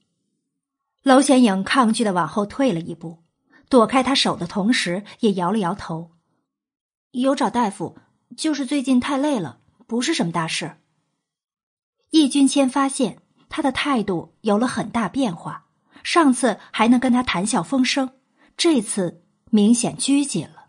“你怎么会来找我？”他看着他，奇怪的发问。“听黄甫臣说你病了，我担心你。”他有去过翠竹园，可根本没发现他的身影。为了见他，只能明目张胆的到景王府来寻人了。其实他也没抱多少希望，莫景浩会让他见着他。然而他现在出来了，莫景浩竟然也没跟出来，他就这么放心？娄玄影心里有了芥蒂，越看他的言行越不对劲，他也越想躲开。玄影，你。皇上驾到，柔妃娘娘驾到。还没等易君谦追问心里的话，却从厅外传来如此令人心惊的通报声。皇上竟然事先没打声招呼，屈尊纡贵前来景王府，连庄心柔都来了。牛宝才慌慌张张的跑进厅里，看到娄玄影，也忘记打招呼，匆忙的告知：“娄小姐，皇上突然来了，万总管让小的进来告诉你，快点让风华公子躲起来，往里走，进后院去。”易君谦在听到公公尖细的通传声时，有瞬间的错愕。但很快就镇定下来，手中的折扇有一下没一下的扇着。在牛宝才说出这话时，更是挑着眉反问：“我为何要躲起来？”他是来看娄玄影的。既然敢光明正大的从景王府大门进来，他就没准备要偷偷摸摸的躲起来。对呀，为何要让他躲起来？娄玄影也跟着呛声：“他们明明什么都没有，如果这么一躲。”岂不是承认他们有不可告人的秘密？就不躲。朕似乎听到有人要躲起来。一身明黄色外袍的莫玄明，在众人的簇拥下，大摇大摆的进了大厅，身后还跟着一身贵服的庄心柔。他的眼神毫无波澜，安静的走着。两名宫女替他拉着踏长的拖裙。参见皇上。皇上万岁万岁万万岁！大厅里的三人见莫玄明进来，同时跪下行礼，而且很有默契的忽略身后的柔妃娘娘。娄玄影并不想向他问安，易君谦自是没将他放在眼里，而牛宝才是跟风者，他们都没说话。身为奴才的他更是低着脑袋，当做不知情。莫玄明站定后，看到易君谦，先是一愣。很快大怒起来。易君谦，你怎么会在这里？而且还是和娄玄影单独两人。朕上次警告你的话，你没听进去吗？娄玄影嘴角一抽，什么叫他和易君谦单独两人在这里？牛宝才不是人，门外那些丫鬟不是人，真当他们在做什么苟且之事？臣不敢。易君谦嘴上说着不敢，可那语气显得很轻佻，也没为自己做过多辩解，让皇上更是气得直瞪眼。莫玄明越过他们，直接往首座上坐下，庄心柔跟在他身旁落了座，低眉顺眼的柔态，加上倾国倾城之姿，让人看了赏心悦目。可惜娄玄影对他不感冒，在心里问候了他几句。皇上出宫，她一个贵妃还跟着，而且跟来他老情人的府上，也不知道皇上是故意的还是无意的。娄玄影偷偷揉着微酸的腿，身子本就虚，现在还直挺挺的跪着，都要跪麻了。这皇上肯定是故意的，他们礼早就行过了，就是故意不让他们起来。娄玄影，你穿成这样是做啥？莫景浩呢？被指名道姓，娄玄影立刻缩回揉腿的手，低着脑袋，大眼咕噜噜的转着。只要熟悉他的人就会知道，他又准备打馊主意了。只见他突然掩嘴猛咳起来，皇上离他并不甚远，要不是他捂着嘴，也许唾沫星子都喷过去了。咳嗽完，还很应景的打了好几个喷嚏。他揉着红彤彤的鼻子，深感罪孽的朝莫玄明磕了个头，请示道：“皇上，臣女，臣女病了，病得很严重。景浩他，他也病了。皇上不要误会，风华公子听说我病了，只是来看望我。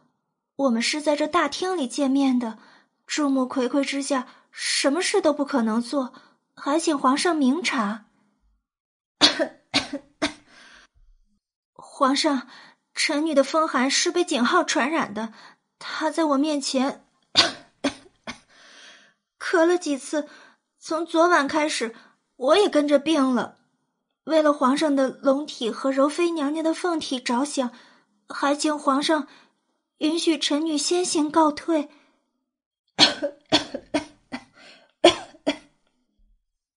谦卑的说完这些话他又猛咳数声而后抬起头可怜兮兮的看着莫玄明虚弱的仿佛随时都能晕过去。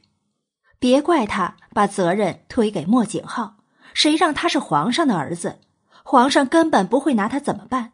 就算皇上回宫后真的龙体有恙，也怪不到他身上。谁让最先传染给他的是莫景浩呢？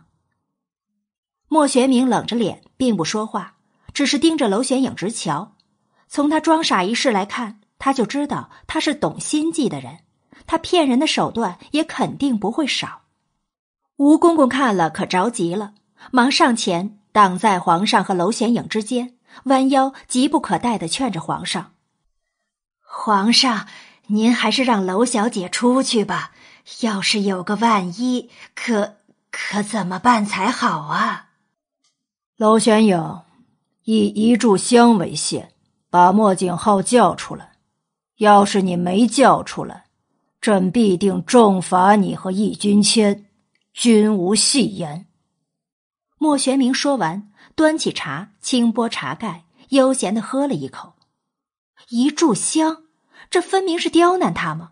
他现在的身体这么虚弱，景王府这么大，他就是走回景轩院，都要花费近一炷香的时间了。更何况莫景浩现在的身体根本不适合出来，真要让他出来，不就露馅儿了吗？今天可是蛊毒发作最后一天，说什么都要撑住。要是让皇上知道莫景浩中了冰魄蛇毒的事，他的清白不就要跟着毁了吗？还不快去！你当真以为朕在跟你开玩笑吗？莫玄明一瞪眼，娄玄影又冲着他们所在方向猛咳了几声，极不情愿的起身离开。他边走边思考着这事要怎么处理，然而出了大厅，在长廊拐弯处迎面就撞上了一个人。他撞得眼冒金星，再回神就发现自己安稳的被来人搂在怀里。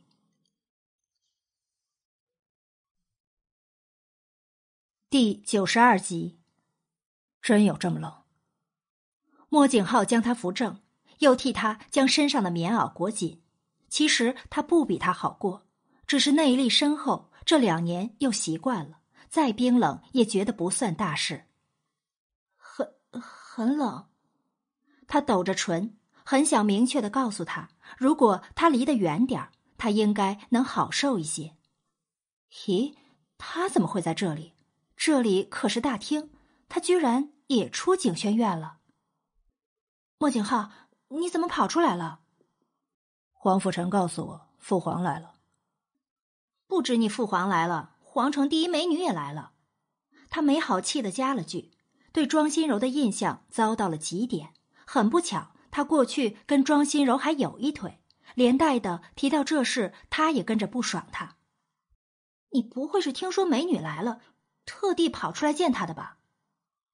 一想到有这个可能，他那熊熊的八卦之火又开始燃烧。八卦不分怨恨，凡是能拿来说是乐呵的都接受。提起这事，莫景浩的脸色就暗沉下来，眼神也变得阴冷。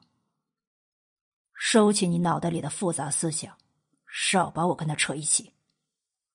娄玄影撇嘴，不肯说就算了，反正黄甫臣还欠他解释。今天过后，他一定要从他那里打听到秘密。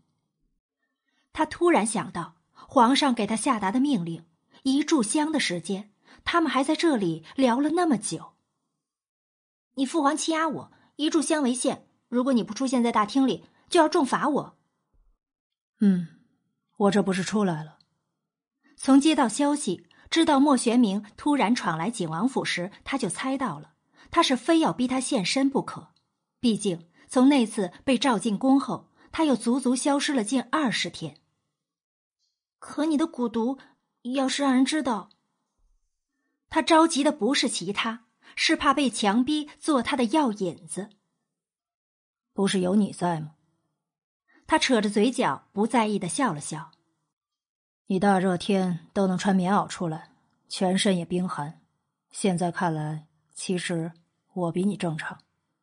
最起码他穿的还是薄长衫。娄玄影嘴角一抽，很想冲他吼一句：“他才不正常！”可这儿离大厅太近，他要是一吼，准让人听了去，只能撇嘴，不乐意的嘀咕：“可我碰到别人不会冰化。”你跟着我，我不碰人就得了。走吧，再聊下去，即使我出现，你也要被定罪了。我跟你父皇说，我感染了风寒，而且是被你传染的。一会儿你不能揭我老底。他挑眉反问道：“为何要说我传染的？万一他明天要是也生个病，说是我传染的，一刀砍了我怎么办？如果起先是你传染的，到时候我就能摆脱干系了。他总不至于砍了你吧？”他歪理一大堆，他也懒得跟他争辩，牵了他冰凉的手，就一起往回走。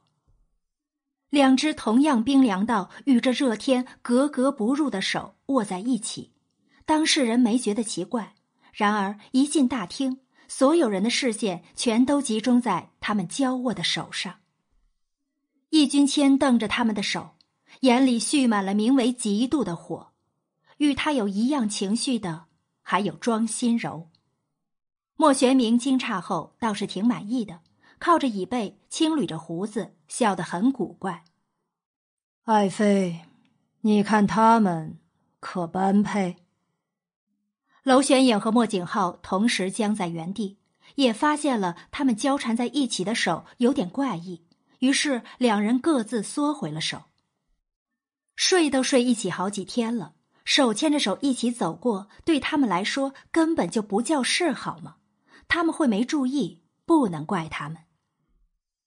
庄心柔苦涩的笑了下，敷衍的点了个头，便低敛着眼不说话，红唇轻咬着，显示着他此刻的不愉快。他不愉快就对了。娄玄影心情大好，皇上绝对是故意的，他肯定很不爽。自己的妃子过去和莫景浩有一腿，他已经开始怀疑，他这趟来景王府是故意把庄心柔带上的，为的就是刺激他们。不过他这样不是等于让旁人看戏吗？而他正好是那个想看戏的旁人。他特意又重咳了几声，亲昵的挽上莫景浩的手臂，在他僵硬中朝莫玄明道：“皇上。”景浩我已经带来了，希望您说话算话呀。看来你们的感情进步神速啊！当初朕给你们的安排果然没差。他们感情好是莫玄明最乐见其成的事，眼下看他们手挽手在众人面前恩爱的样子，他早把刚才的事抛九霄云外去了。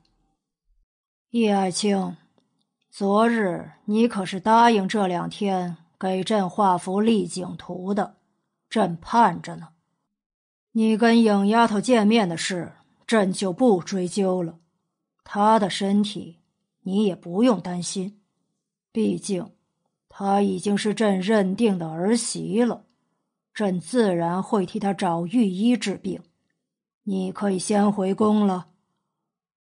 莫玄明这话无异于向易君谦下了逐客令，易君谦无法强留下来，再次深深的看了他们倚靠在一起的身体，他收起眼里复杂的情绪，恢复了惯有的从容，一步步走到娄玄影身前，不顾莫玄明瞪视的眼，对他叮嘱：“照顾自己，病了听大夫的话，我下次再来看你。”易君谦。莫玄明一拍椅背，被他气得半死。他竟然当着众人的面和娄玄影说这样煽情的话，还要否认他们之间没任何关系吗？娄玄影汗颜：易君谦这是在自掘坟墓呀，而且大有把他拖下水的意思。他还没活够，可不想这么快丢掉小命。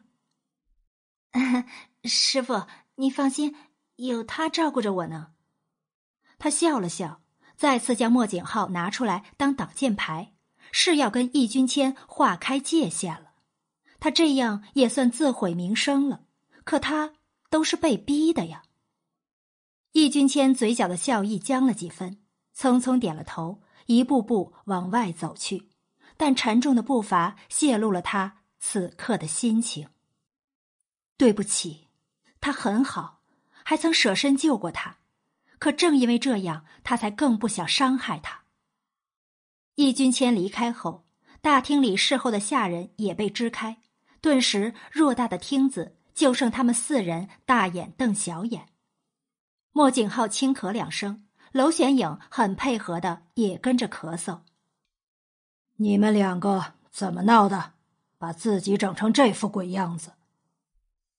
莫玄明看到娄玄影那一身棉衣，就觉得浑身难受。他也不嫌热，再看莫景浩那张惨白的脸，他现在若还不信他们俩都病了才有鬼，他们简直是连脑子都有毛病。娄玄影委屈的扁着嘴，指责似的看向莫景浩，把所有问题都推给他。皇上，你问他，没骨气的女人。莫景浩朝他白去一眼，连带轻松的反问：“父皇，难道我们连生个病都要向你汇报？”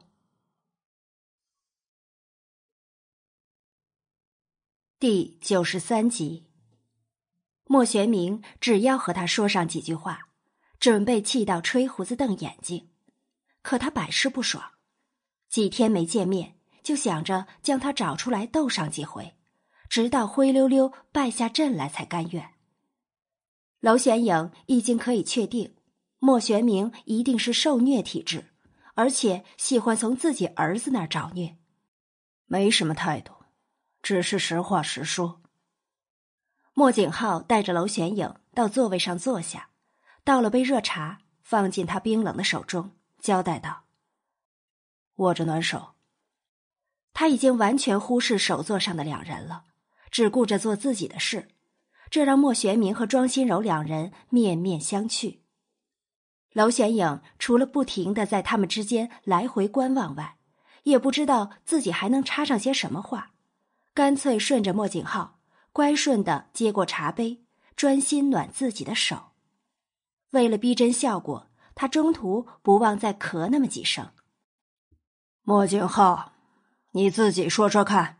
你从边境回来都几十天了，可你倒好，只踏进皇宫两次，早朝直接给朕罢掉了。朕今天就实诚的跟你说，本来是要来景王府找你问责的，看在你真的病重的份上，这事就既往不咎。莫玄明停顿了下，接过庄心柔递过来的茶，喝完。又继续往下训。你不是认识那什么神医岳楚的吗？染个风寒他都治不好，还能叫神医？他治不好，朕可以帮你找御医治。总之，等你病好后，给朕准时上早朝。如果还是没见到你的影子，休怪朕不顾念父子之情，论你罪。莫景浩嘴角轻扬，露出讽笑。他除了会用权威压他，还能做什么？这是一点，还有就是关于你跟影丫头的事。看你们感情还不错，他现在也不再痴傻，是该把你们的婚事办一办了。父皇，是可忍，孰不可忍？若他只是念叨。莫景浩完全可以忍受，可如今他却准备操刀他和娄玄影的婚事，门儿都没有。当初愿意接旨，已经是他最大的退让。有一就有二，他这次要是仍妥协，不久之后景王府就会是另一个后宫。看出了他的抗拒，莫玄明一瞪眼，警告道：“难道？”你真的想让影丫头没名没分的跟你过一辈子？你别忘了，毕竟她是楼相唯一的嫡女。之前她傻也就算了，可如今都已经恢复了，楼家三代功臣，这个颜面，朕无论如何都必须要给他留。娄玄影早在莫玄明提到他和莫景浩的婚事之时，就抽搐不已。皇上是闲的蛋疼吗？他是一国之君，国事不忙吗？居然有空管到他们身上。这话要是当着娄承德的面说，他一定会老泪纵横。可对他们说，靠，能给他点主权吗？皇上不着急。我们还需要磨合磨合，我也一点都不觉得委屈。娄玄影摆着手，主动拒绝。开玩笑啊，他都恨不得能有自由，让他离开景王府，从此天下之大，任他自由行。若他和莫景浩成亲，把名给坐实了，他还要走吗？他的直言拒绝让莫玄明的脸拉不下来，气呼呼的瞪着他们俩。莫景浩拒绝也就算了，连这小丫头片子也当众给他难堪。父皇，这是我跟他的事，希望你别过问。而且，他也不愿意。将来，如果他有意，我绝不推脱。莫景浩看着莫玄明，一字一句的道：“这是他回绝的话，亦是对娄玄影的承诺。”娄玄影愣住了，但很快反应过来，急忙扯了扯他的衣袖，警告的瞪着他：“你胡说什么？将来你妹！将来我要跟你一拍两散！”他以唇形警告他，他这样是在玩谁呢？他今天出门肯定没看黄历，居然两个男人挖坑要陷害他。他淡淡的瞥了他一眼，承诺般对他说。我不说假。你，你，他一甩手，已经不想搭理他了。他今天一定脑抽了。他的话让娄玄影气恼，却也彻底伤了庄心柔的心。他不敢置信的抬眸看着他，唇抖了抖，眼里满是痛苦。他真的忘记他们的过去了。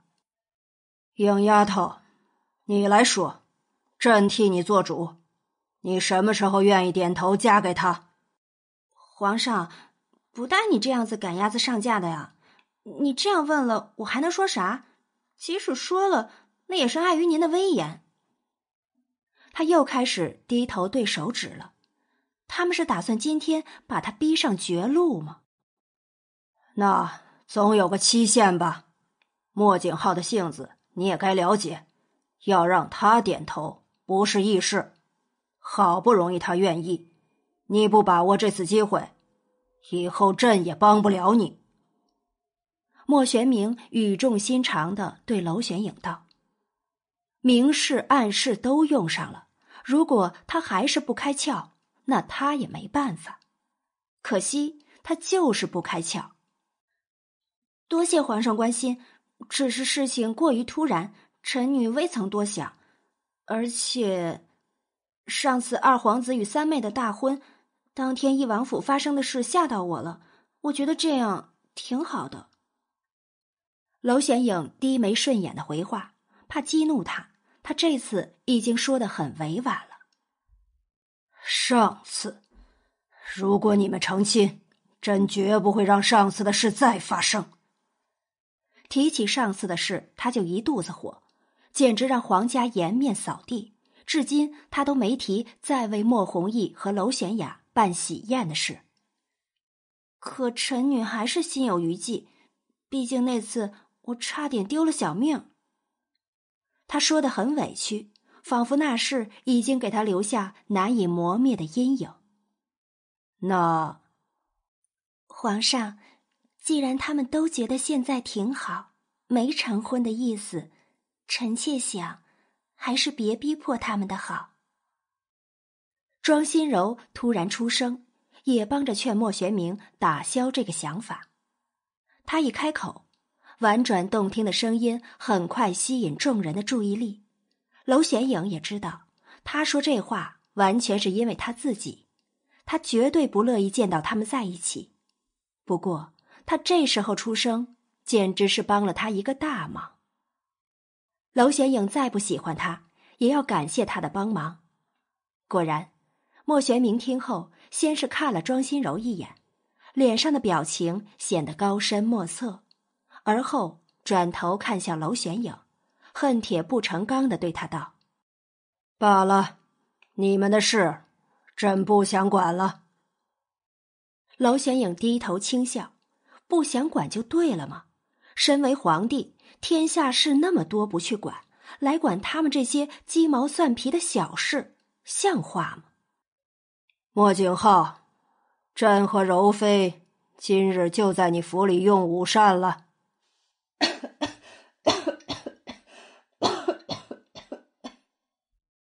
娄玄影一听，马上捂着胸口，咳得半死不活起来。同时还用手绢掩着口鼻，打了几个喷嚏，引来了莫景浩的侧目。装，太能装了。第九十四集，莫玄明皱眉，感情他特意从宫里出来，就只是训两句话，训完又回宫。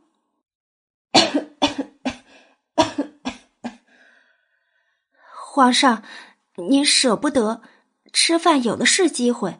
等下次我们病好了，皇上您再出宫，呃，或者让他进宫陪您用膳。娄玄影也加入吴公公劝说的队伍中，极力游说皇上和庄心柔千万不能留下来。他可不想莫景浩在蛊毒发作的最后一天露馅儿。他那谄媚的狗腿样。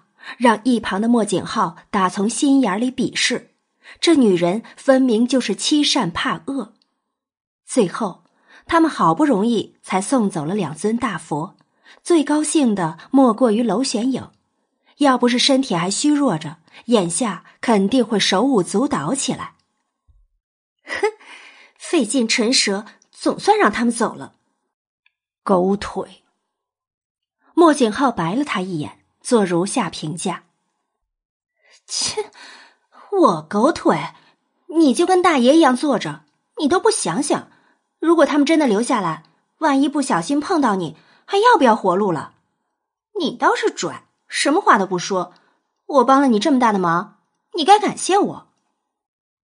他沉默不语，懒得同他再争辩，大步朝景轩院方向而去。他跟在他身后。可他步伐太大，到最后他只能小跑步前进。可一跑起来，头就是晕沉的。喂喂，莫景浩，你走那么快，是去投胎呀？他气喘吁吁的跟着，话还没说完呢，他转身就走人了，也太没礼貌了。站住，我有话要说。好一会儿，莫景浩停下脚步。转回身看他，等他一步步走近后，才问：“什么事？”刚才在厅里，你对你父皇说的那些话是什么意思？他抿着嘴，半晌才回答：“就是字面上的意思。我也跟你说过，我可以对你负责，可以娶你。”呸呸呸！我不需要，别说的像是我扒着你，非你不可般。而你就像个至高神在施舍你的恩泽，我没这么想。刚才也说了，只要你愿意，我绝不推脱。这不是施舍，是承诺。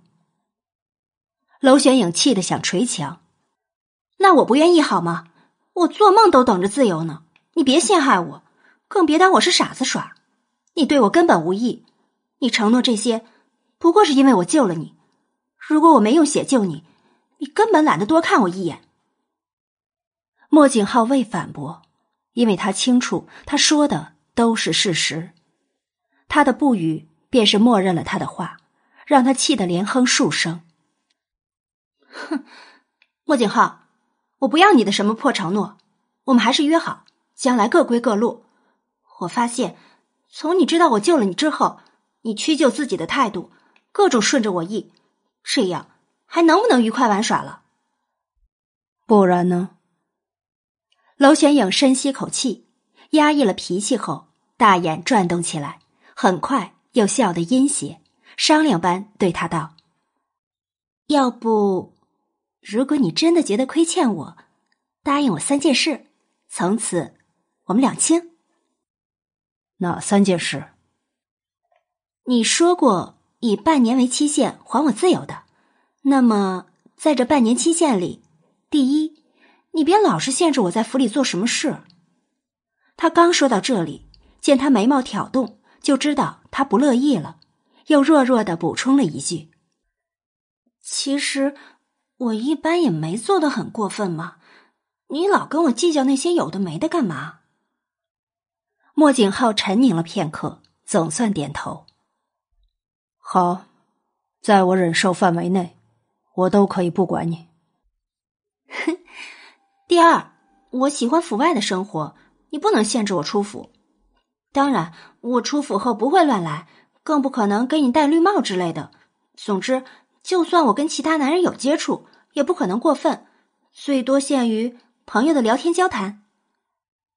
见他点头后，他更乐了，又接着往下说。第三件事，你就先欠着，放心，不会过分的，最多让你帮我一个你力所能及的忙。好，连娶她都愿意了，这样的三件事对他而言就显得无关痛痒了。他答应完后，心里又有些异样，在他眼里，他的命就只有这一点价值。哼，太好了，这样。等于他从今天开始就自由了。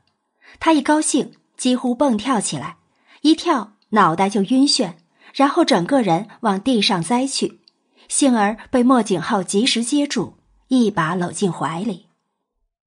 景浩，自他们的身后传来女人渲然欲泣的声音，娇柔婉约，楚楚可怜，让听的人心都揪在一起。庄，庄心柔。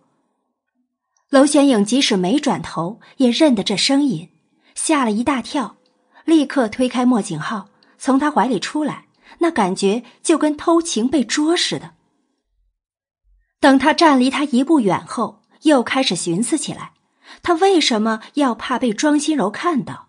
庄心柔明明已经成了贵妃了，还每天用爱慕缠绵的眼神盯着莫景浩看。该感到羞耻的是他呀，柔妃娘娘。万总管跟在庄心柔身后跑来，朝她点头哈腰，小心翼翼的询问：“娘娘，不知您落下什么东西？小人让人帮您找，您到前厅等着就好。”庄心柔微微侧脸看了万总管一眼，表情有些哀婉。万叔，我自己能找，你带他们下去吧。娄玄影看得津津乐道，庄心柔在他面前高傲的跟只花孔雀似的，甚至在皇上面前也经常表情冷艳，可唯独对莫景浩、万总管等表现出了他楚楚可怜的一面。对他自称本宫，竟然对景王府的老总管自称我。这还真是神奇的事。哟，柔妃娘娘是回来找东西，可你刚才明明只进了大厅，这里都是后院了，你的东西会跑这儿来？娄玄影没跟他客气，直接拆穿他的谎言，就是要让他没皮没臊的难堪。谁让他得罪了他？庄心柔美眸里满是恨意，看着娄玄影，冷冷的道。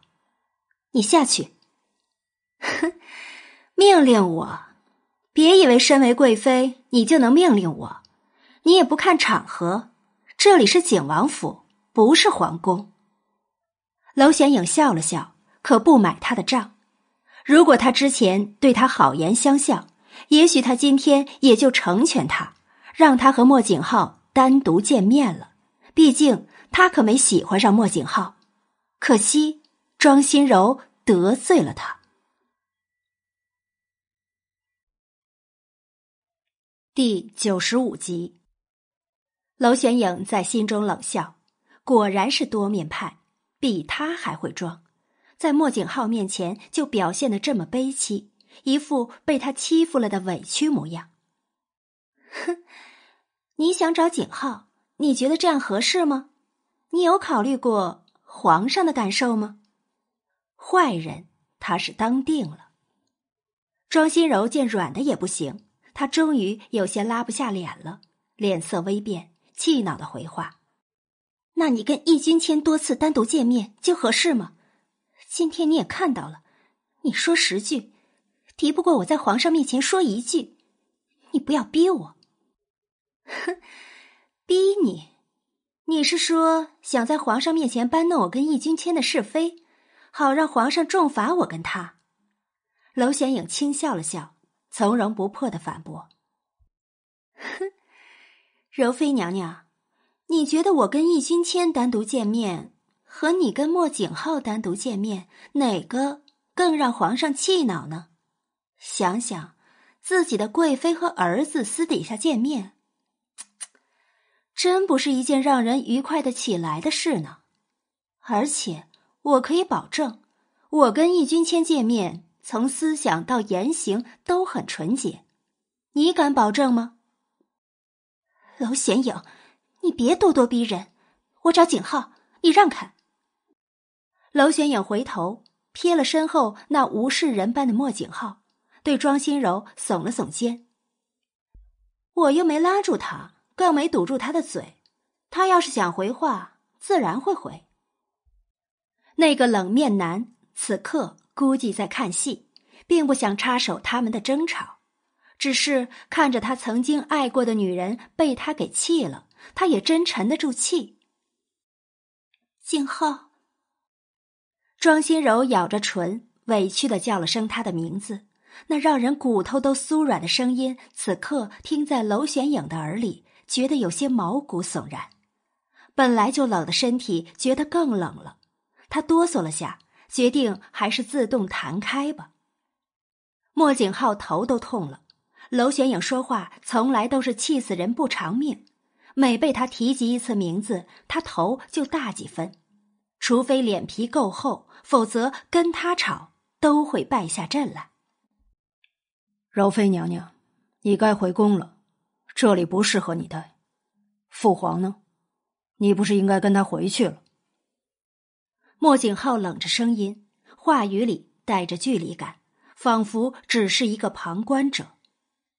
古大人找他看戏，他中途走了，只让吴公公送我回宫。我，我有话跟你说。娄玄影摸着下巴，果断的退到一旁看戏，嘴角带着满满的笑意。听了庄心柔的话后，做恍然大悟状，难怪他能跑回来。原来皇上中途溜了，他就觉得奇怪。明明庄心柔是和皇上一起离开的，皇上怎么可能让他单独回景王府？景浩，我能不能单独和你说些话？庄心柔朝莫景浩走近了几步，不确定的询问。莫景浩绷着脸，面无表情的看着他，还没等他回话。就听到一旁的娄玄影探着脑袋过来问：“需要我回避吗？要的话说一声哦。”你下去。不需。两道声音同时响起，娄玄影摸了摸鼻子，果断的站在莫景浩身旁。我又不是宫女，柔妃娘娘的话不听，莫景浩让我不用回避，我就坚决不走。景浩。庄心柔委屈的看着他，又往前走了几步，要朝他靠近。莫景浩不动声色的往后退，避免让他触碰到。柔妃娘娘，你该回宫了。万总管，送客。他甩下这话，拉着娄玄影就要离开。庄心柔在他说送客的那一瞬间，眼泪无声的流下，不顾万总管在场。朝他大步离开的方向便跑过去，一把扑了上去。他想要从身后抱住他，想要试图挽留他。手触碰到他的腰侧，手心里突然传来的刺骨冰寒，让庄心柔整个人都呆住了。再回神，发现他的手被娄玄影扣住，三个人叠抱在一起，娄玄影夹在中间。娄玄影狠狠的用力甩开他的手，庄心柔一个没站稳，跌在了地上，抬头对上了他的冷笑，听到他炫耀似的宣布所有权。庄心柔，有些话莫景浩不说，我替他说。之前叫你声柔妃娘娘是对你的尊重，没想到你连该有的礼仪廉耻都不顾了。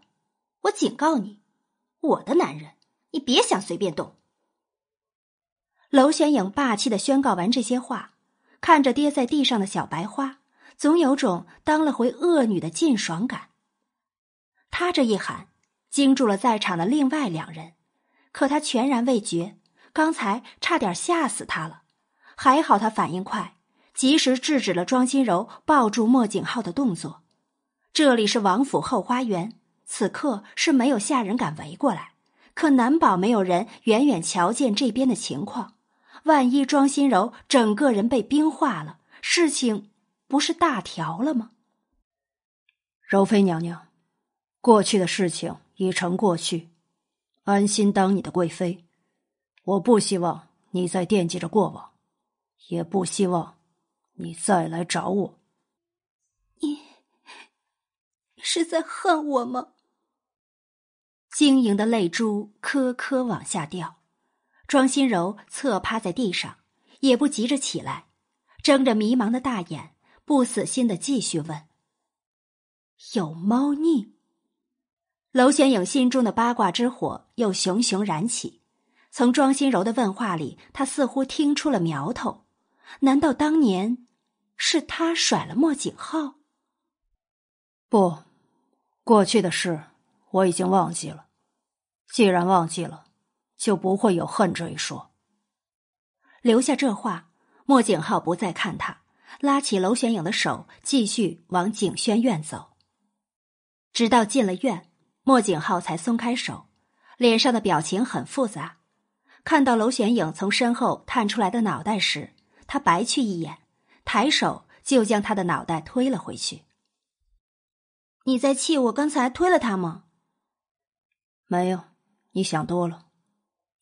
莫景浩淡淡的回答，而后突然对着空荡荡的院子喊了声：“白泽。”嗖的一声，一阵风刮来。等娄玄影反应过来时，白泽已经站在莫景浩的跟前了。王爷，暗地里护送庄心柔回宫。是王爷。白泽抬起头的瞬间，眼神若有似无的扫过娄玄影。本以为他会出现嫉妒之色，可他却只顾着四处张望，表情从容的仿佛没听到王爷的话。他心里默默叹气，很快便退了出去。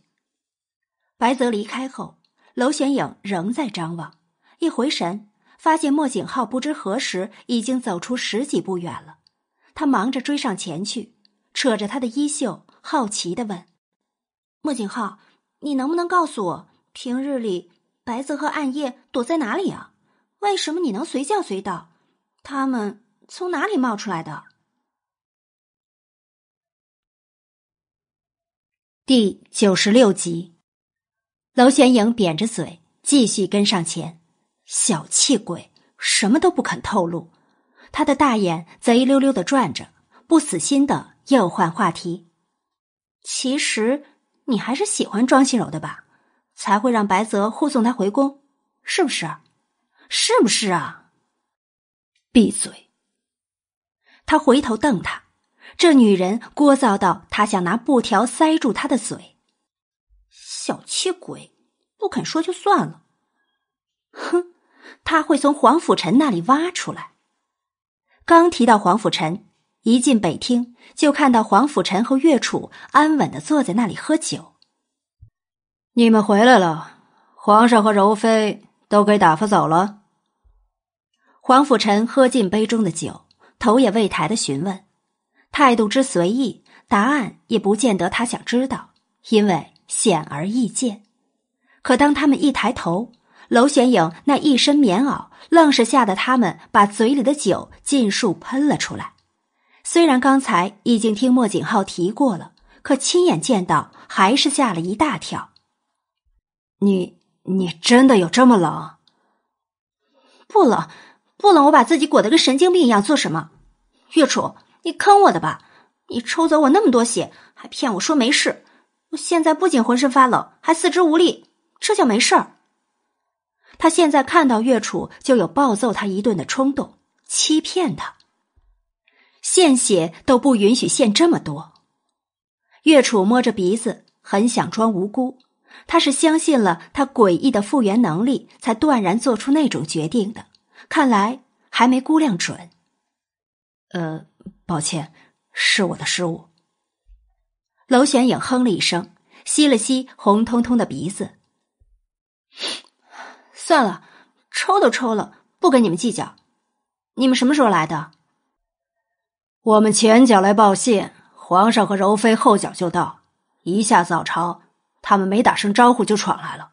幸好我溜得快，不过不是让易君谦躲起来吗？被皇上逮到，你没被训斥？娄玄影撇嘴，哼了声。不满的道：“哼，我们又没做什么见不得人的事，不就在大厅里聊了几句，干嘛要躲起来？本来清清白白的，一躲都不清白了。他没做亏心事，根本不心虚，躲起来反而显得鬼祟了。他拖了张椅子坐在他们身旁，盯着他们的酒壶，不确定的问：‘沈毅，我这么冷，你说喝酒能不能让身子暖一暖？’”他边问着，边伸出小手，探着就要去拿他们的酒壶。你身体太虚，不适合喝酒，等恢复些吧。岳楚直接拿走酒壶，不让他喝，却当着他的面把他和黄甫臣的酒杯斟满。娄玄影恨恨的瞪着他们，伸长手将桌上的瓜果点心端过来，整盘端着，不顾形象就吃了起来。我很怀疑。景王府一直在虐待你，好饿。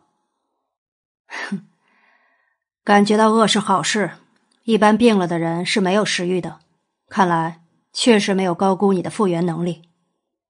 岳楚笑了笑，也许他再休养个一两天，就能恢复到之前活蹦乱跳的样子了。王爷，一个时辰后，白泽匆忙飞奔进厅。一身的狼狈让他们四人同时惊诧了。随后，暗夜也闪身进来，他拉着白泽，朝他摇头，似乎要制止他说出某件事。发生什么事了？暗夜，这事必须告诉王爷。白泽一把拉开暗夜，站出来，朝莫景浩一拱手，神情哀戚的道：“王爷，柔妃娘娘并没回宫。”她出城去了，然后半路被劫。娄玄影竖着耳朵倾听，可白泽带来的消息太震惊，他被嘴里的糕点呛到，血沫喷的到处都是，就算了，还把自己呛得半死。水水，月楚反应过来，忙给他倒了杯茶递过去。白泽，你武功那么高。竟然有你都阻拦不了的，你当时有出手吗？黄甫臣觉得这事太奇怪了，有白泽一路护航，竟然人还有从他手中丢掉的道理。白泽惭愧的低下头：“王爷，属下无能，没有保护好柔妃娘娘。王爷，这事不能怪白泽，狂影出来阻拦，您是知道的，白泽的武功不及他。”暗夜一拱手，替白泽求起情来。原来狂影出手了，难怪白泽会一身狼狈的回来。想必与狂影交过手，败下来了。狂影都参与这事，事情棘手了。可柔妃除了人长得美，能有什么作为？黄甫臣想到这事，就觉得头大。倾国倾城之姿。摆着欣赏也不错，说不定被劫去当压寨夫人了。娄玄影端着糕点走过来，突然来了这么一句不正经的，顿时遭来众人的白眼。他吐了吐舌头，退后一步：“你们继续，我不打扰了。”景浩，我先回府了。安直肯定很快会到达兵部，要带兵出城找人。黄甫臣向众人交代完，人也跟着往外跑了。莫景浩曾听到这个消息后，就一直沉默不语，余下的人全都面面相觑，最终朝他望了过去。他仅是抬眼问了白泽一句：“只有他被劫，吴公公人呢？”回王爷，吴公公逃回宫里去了，只有娘娘一人被劫。只有美人被劫，看起来不妙啊！娄玄影又多嘴插了句话。这要是劫色，庄心柔不是毁了？莫景浩瞪了他一眼，抬脚就要往外。岳楚发现他的意图，立刻阻止。景浩，今天最后一天，你该知道，你这时候跑出去的后果是什么。再怎样着急，你都必须等到明日。能等吗？宣影，拦住他！你不想让自己的血白流吧？岳楚知道自己是无论如何都劝不动他的，只能出绝招。他劝不动，自有人能劝动。娄玄影一听，先是眨巴了下大眼睛，反应过来后，一改虚弱之态，朝莫景浩冲了过去，伸开手挡在他的前头。莫景浩，你这人渣，听到老前人出事，就连自己的命都不要了。你只要再坚持几个时辰，就能度过蛊毒发作期了。如果你现在跑出去，你对得起黄甫臣、岳楚、白泽和安夜他们吗？你对得起我的血吗？莫景浩盯着他气鼓鼓的脸直瞧，半晌才挤出话来：“于情于理，我都应该要去救他，无关过往，也非旧情，这是其一。其二，吴公公逃回宫了，庄心柔出景王府后又回来，他要在父皇面前一嚼舌根。”靖王府逃脱不了干系，你我的责任更大。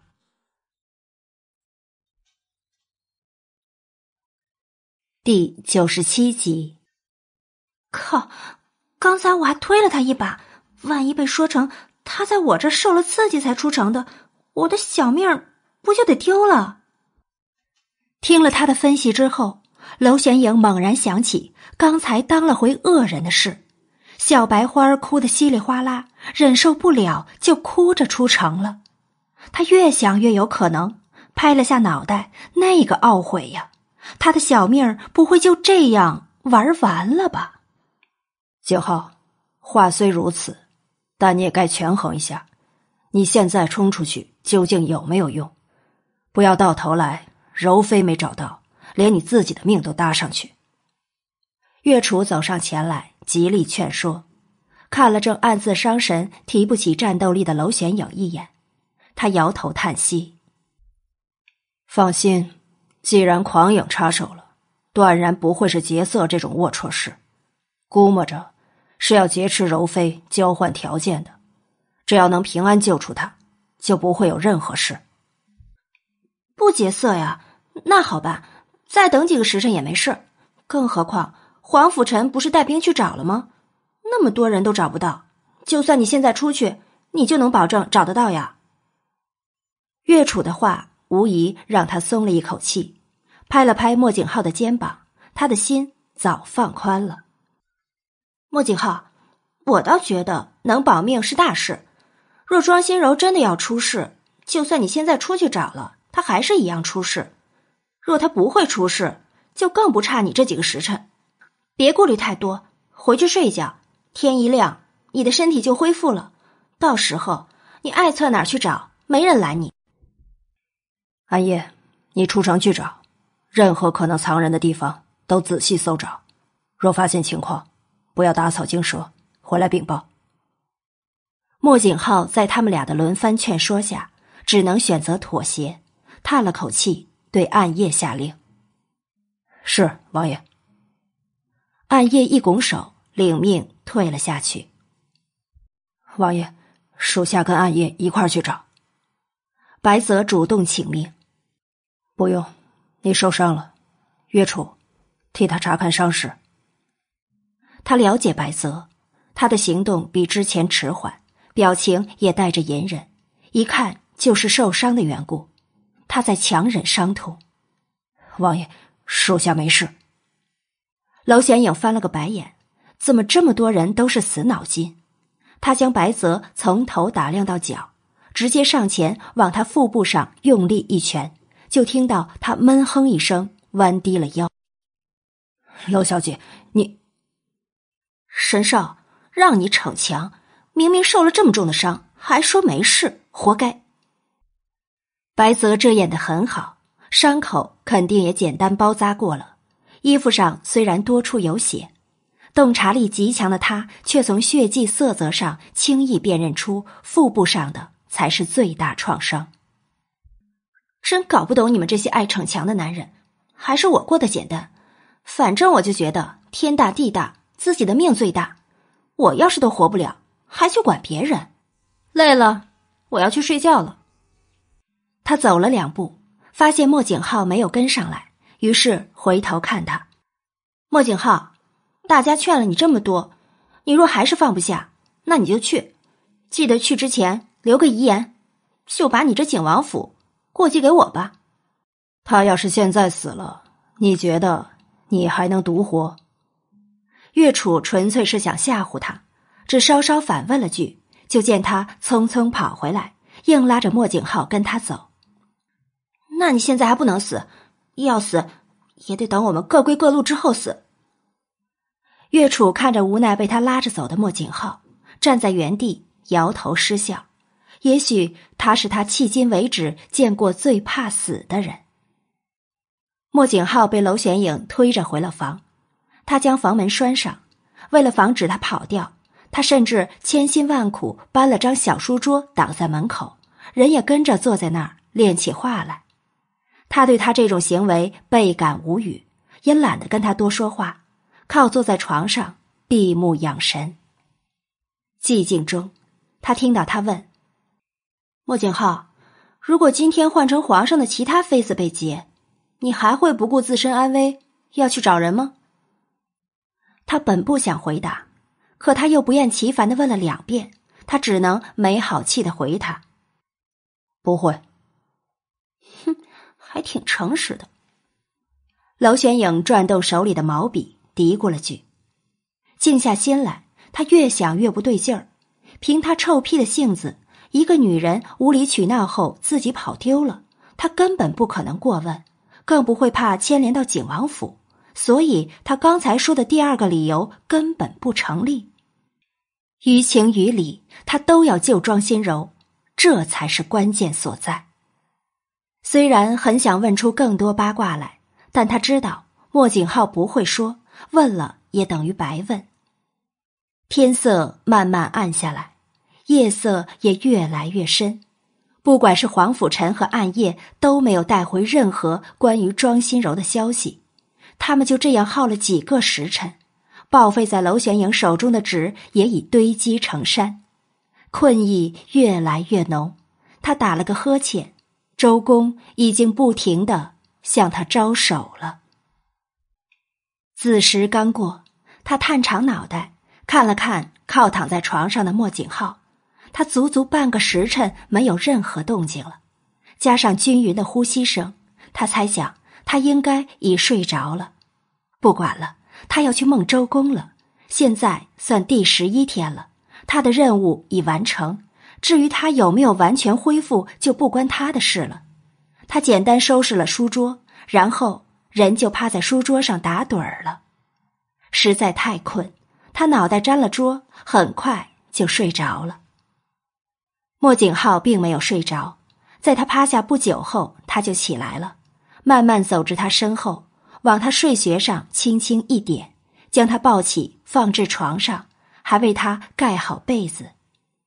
怪异的女人，她从来不讳言自己怕死，可却常常做不要命的事。更是为了救他，愿意放那么多血。究竟哪一面才是真正的他？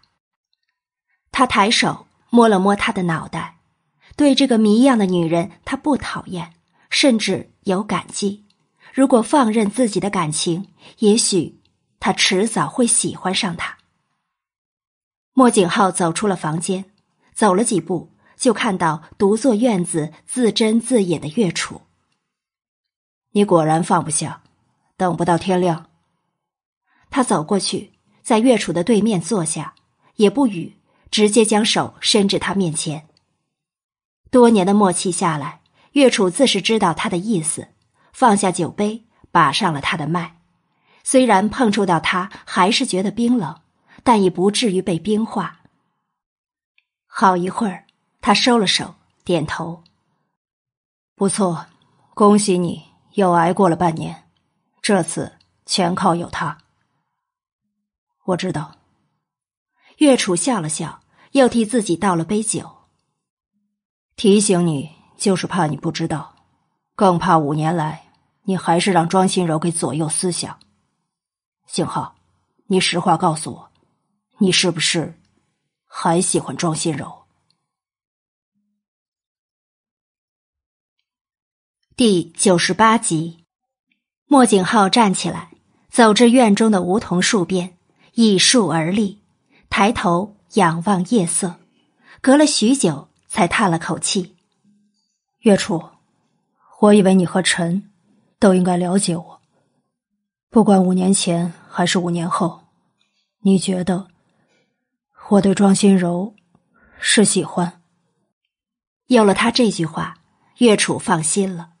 无关情爱，那他会惦记着救庄心柔一事，便是出于情义，这个他无法阻止。他又痛快的饮了两杯酒。笑道：“哼，我自认心思还是比较缜密的，可我从来没有看懂过你，更猜不到你心里的真正想法。皇府就更不用说了。”莫景浩嘴角一抽，薄唇紧抿，没再说什么。哼，那我能再问你，你对你房里那丫头是什么感觉吗？不讨厌，但也绝对称不上喜欢。岳楚了然的点头，无情无爱的男人，如果连皇城第一美人都没有真正让他动心，那娄玄影的待遇还算不错了。一直都没消息回来，没有，连暗夜都没回来。不过，没有消息，暂时来说都是好事。景浩。虽然你撑过了这次的蛊毒发作，但你现在的身体也是虚弱的。我建议你还是等到天亮再出去。我没事，我倒觉得暂时不必担心。既然狂影出手了，事情不会太简单。也许等到天亮，自然能知晓他们的目的。我知道，照顾那丫头，她白天还那么怕冷。也不知道天亮后是什么情况。我去黄夫妇找陈。岳楚自知劝不动他了，只能摆手：“去吧，在府里要担心庄心柔，离开又要担心娄玄影。你明明是最无情的，却把自己搞成这样。如果我没记错，是你们在我昏迷不醒时替我欠下的人情债。”莫景浩瞪了只顾着说风凉话的岳楚一眼，留下这些话，转身就离开了。呵呵。岳楚望着他恼怒离开的背影，幸灾乐祸的大笑起来。谁让他的性子要这么别扭？与他无关的事，他能冷漠到底；但凡让他背负上的债，他是无论如何都不会推脱的。他似乎被皇甫带坏了。总算知道皇甫平时那么喜欢在别人伤口上撒盐，原来落井下石是这么愉快的事。娄玄影沉睡了一晚，直到日上三竿才醒过来。他是被热醒的，脚一踢就把身上盖着的被子踹到地上去了。他在柔软的大床上滚了两圈而后揉了揉惺忪的睡眼，爬坐起来。床。他为什么又睡在床上？明明昨晚是在桌上趴着睡的。莫景浩呢？他惊醒过来，才发现天色已大亮，环顾整个屋子，根本见不到莫景浩的身影。门栓已打开，看来他已经离开。不用问也猜得到他去找庄心柔了。罢了，十天期限已过，一切都与他无关。好热，阳光透过窗子照进房里，那光亮让他觉得更热了。他低头看了看自己身上的棉袄，有种汗流浃背的感觉。他手忙脚乱把棉袄脱下，只穿着单薄的里衣，顿时觉得整个人都清爽了，似乎他恢复正常了。他跳下床，又在地上跳了两下，身子不冷了，头不晕了，生活真美好。娄显影在屋里蹦跶了很久，直到敲门声传来：“显影，你起来了。”受莫景浩所托。岳楚一大早就等在院子里了，听到屋里有动静，可他又等了许久，仍没见他出来，只好去敲门。深夜，莫景浩跑去找老情人了吧？还没有庄心柔的消息吗？娄玄影快速换好衣裳，梳洗完毕后就跑去开门了。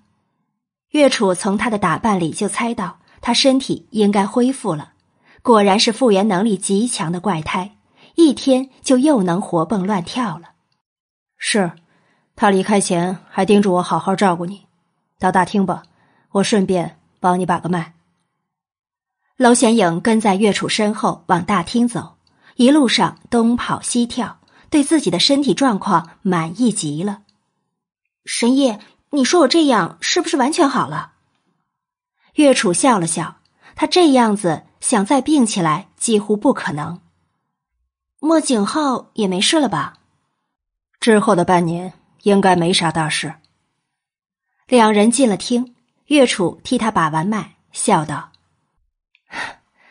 很正常，没大碍。显影，上次用你的血研究，我发现……”娄显影的笑僵在了脸上，心里更是咯噔一下，很不想听他的下文。你怎么了？岳楚发现他的表情有了变化，一提到这事，他就变得有点奇怪，似乎有事隐瞒。他收起心思，苦着一张脸哀求道：“神医，我听到你说血就怕，你别再想着法子从我身上抽走血了，好吗？”原来是因为这个，岳楚摇头失笑：“哼 放心，现在没人要你的血。”我想说的是，你的血很奇特，我用多种毒物混进去都会被它净化，估计很多毒对你无效。你是指我有百毒不侵的能力？娄玄影闪着星星眼，这种武侠至尊才具备的能力，他若拥有，这个还真不确定。毕竟我是医者，研究医药较多，手中的毒很少。你的血不怕我那几种毒是事实，至于其他毒，我也保证不了。不过，冰魄蛇毒已经是剧毒了，你都不怕。岳楚还没把这事告诉莫景浩和黄甫臣，皇宫藏骨骼的预言，他听黄甫臣提过。如果预言能成真，他觉得那个相府才女非娄玄影莫属了。就凭这种才能。就比娄三小姐的琴棋书画好使多了。宣影，你们四姐妹都有像你这样的体质吗？娄玄影耸了耸肩，一摊手，表示不知情。我连自己有这样的体质都不知道，更别说他们。而且我跟他们不熟。他一点都不在意被别人知道他们姐妹不和的事，因为那是事实，他装不来。上帝为你关上一扇门，同时也会为你打开一扇窗。这话很有道理。这具身体原主人虽然痴傻，却是上帝的宠儿，血液能抗毒，身体里还封印了异能。可惜没等他使用上，就香消玉殒了。他结束十九年繁华的现代生活，穿越过来接手了这两样才能，究竟是赚了？还是亏了。圣旨到。正当他陷入深思之时，厅外突然传来公公的通传声。他们俩同时对望一眼，都觉得诧异。第九十九集，莫景浩人不在，圣旨在这个时候传来。娄玄影觉得奇怪，没等他想出个所以然来，公公就进厅来了，是个他之前没见过的公公。娄大小姐接旨吧。于公公看着仍翘腿坐在椅子上的娄玄影，不满的睨了他一眼，尖着声音提醒他。圣旨不是传给莫景浩的吗？他人不在，我不待接。不，圣旨是给娄大小姐的。什么？没开玩笑吧？皇上没事儿，竟然给他颁圣旨？不会是昨儿个推了庄心柔那一下，传到他老人家的耳里，他要砍他脑袋来了？娄大小姐，你还不跪下听旨？是想抗旨吗？岳楚觉得事有蹊跷，但眼下只能先听听看圣旨何意。向娄玄影使了个眼色，示意他别乱来。他撇嘴，极不情愿的和岳楚一起跪下听旨。奉天承运，皇帝诏曰：特命娄家四女进宫面圣，钦此。于公公念读完圣旨好一会儿，仍没见娄玄影有反应，他顿时又开始发脾气。娄大小姐，你倒是接旨啊！娄玄影愣了愣，不确定的从于公公手里接过圣旨，又打开来仔细看了遍，终于确定圣旨果真是给他的，应该说是给娄家四女的。皇上拟了四份圣旨，这份你拿好，收拾打扮一番，就进宫面圣吧。奴才准备了马车，在府外等你。于公公看他那愣愣的模样，只当他傻病没痊愈，不跟他多计较，该交代的交代完，转身就离开了。娄玄影将圣旨递给岳楚，奇怪的问。皇上怎么会在这时候召我们四姐妹进宫？眼下最紧要的不是找到庄心柔吗？岳楚拿着圣旨沉凝片刻，心中已经有了想法。也许就是因为要救庄心柔，才召集你们四姐妹进宫。啥？这有什么关系？我现在知道狂影带走庄心柔的目的了，不为别的。就只是为逼皇上交出你们四姐妹，宣影，如今你是抗不了旨的，你跟于公公进宫去，我马上去找景浩。岳楚觉得这次的事情应该很严重，牵连太广了，必须让景浩从长计议。狂影其实要抓的人是我们娄家四姐妹，靠，不会又是因为那什么破预言吧？岳楚挑眉。看来他是知情者。是的，不是听说匡影搅了二皇子和你三妹的喜宴吗？他这次胃口很大，想要把你们四姐妹一起拿下，就看皇上的取舍了。他是相信预言的，既然相信预言，就看他是要江山还是要美人了。娄玄影翻了个白眼，他实在很无语。先不管预言是真是假好了，既然是秘密，为什么会闹得人尽皆知？还能不能让人愉快生活了？他有预感，皇上会舍弃他们去换庄心柔。什么破预言？凭什么他们四人中有一个能助人得天下？这样闹下去，万一都死绝了呢？预言不是不攻自破？藏古国的预言是谁留下的？已无据可考。也不能保证那预言者没在别处留下，而且你要知道流言的强大。好了，这些都不是我们目前能够关心的事，按我刚才说的去做吧。我找到景浩后，让他立刻进宫去找你。岳楚交代完后要离开，走到厅门口，又想起件事，回头叮嘱：“宣影，景浩没到之时，如果皇上逼迫你去交换庄心柔，用尽各种方法都要拖延下去。总之，一切等到景浩出现再说。嗯，放心吧，谢谢。娄玄影朝他笑了笑，他是值得交往的朋友。只是，就算等莫景浩出现又怎样？让他在他和庄心柔之间做取舍，他的答案不是显而易见的吗？岳楚离开后，娄玄影又拿着圣旨发了好一会儿的呆，叹了口气，给自己倒了杯茶，悠悠的喝起来。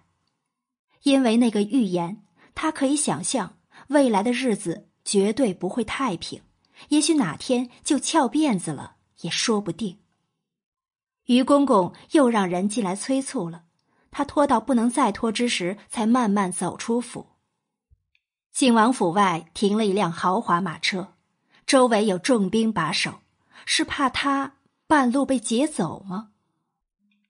马车一路往皇宫而去，娄玄影被带往坤华殿。进殿前，听到身后有人叫他，他转回身，等着莫景浩一步步走过来。你不是去找庄心柔了？月楚怎么找到你的？我在皇府府，还没有庄心柔的消息吗？进殿就有了。他们俩并肩进了殿，发现除了娄玄雅等人外，连娄承德和莫弘毅也被传进宫来了。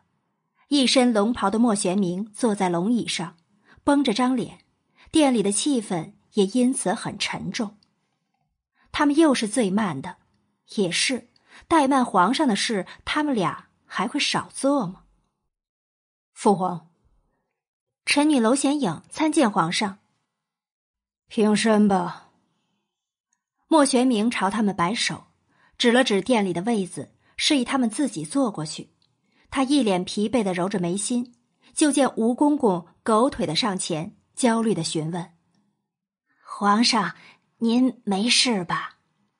没事，把早上宫门口发现的那封血书拿给朕。这，吴公公领命，从锦盘里拿出了一张血迹斑斑的书信，交给了莫玄明。莫玄明摊开那封书信，看着底下的众人，道：“柔妃昨儿个失踪了，其中的内情。”景浩和玄影是清楚的。抓走柔妃的人，正是那天闯进弘毅和玄雅喜宴的刺客狂影。除了莫景浩和娄玄影自始至终没啥反应外，其他人听到狂影后就开始惊诧起来。娄承德很快反应过来：“皇上，狂影虽穷凶恶极。”但一般不轻易惹事。从上次闯义王府来看，他这次抓走柔妃娘娘，是不是也是因为预言之事？没错，他在逼朕交出娄家四女，将柔妃换回。娄爱卿，这事你怎么看？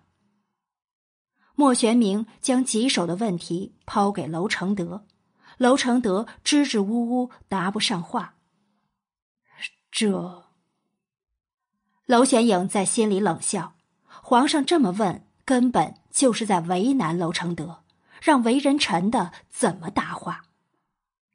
不愿牺牲女儿换柔妃，那就是不忠；牺牲了女儿换柔妃，那就是毁灭。莫玄明一眼扫过去，发现娄玄琴等人早坐不住了，脸上的表情都很惊恐，全都害怕的等着娄承德的答案。唯有娄玄影一脸的从容不迫，甚至还有心思在那儿喝茶。要有怎样的胆识，才能表现出这般？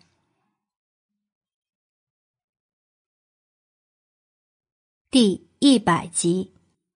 娄玄影发现了莫玄明那探寻的目光，貌似自己的表现有点格格不入。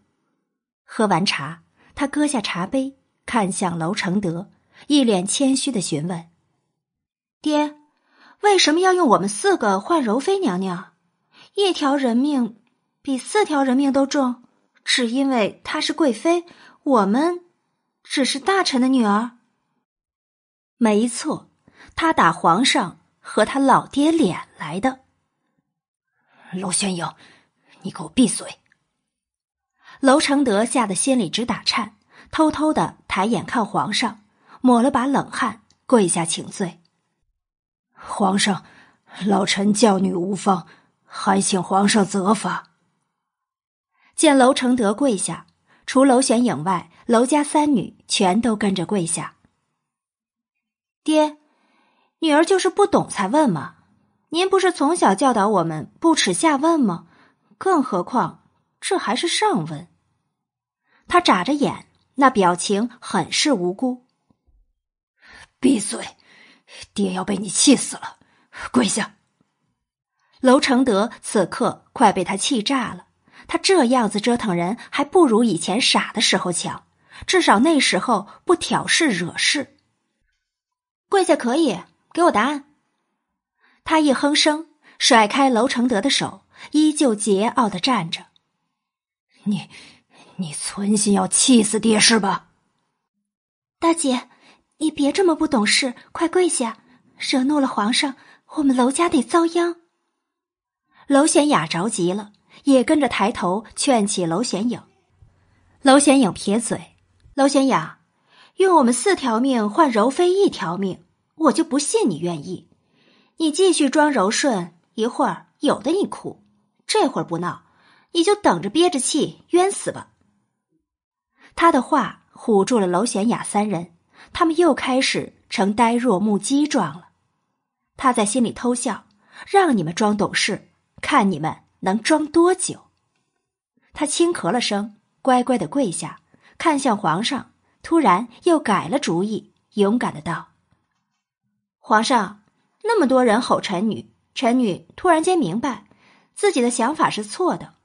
柔妃娘娘身为贵妃，身份地位高贵，自然不是我们这些平常人能比的。就算是十个、一百个大臣的女儿都比不得。所以，臣女请缨，用我们四姐妹的命去换娘娘的命。”不，爹。娄玄雅等人着急的拉扯着娄承德的衣袖，大姐不要命，他们还想要。爹，你快让大姐别说话了，她的傻病是不是又犯了？娄玄影，你少说两句行不行？娄承德真的快被他气死了，已经开始觉得喘不过气来了。爹，我逆着皇上的话说不对，顺着皇上的话说。怎么也不对了？你是真的不怕死？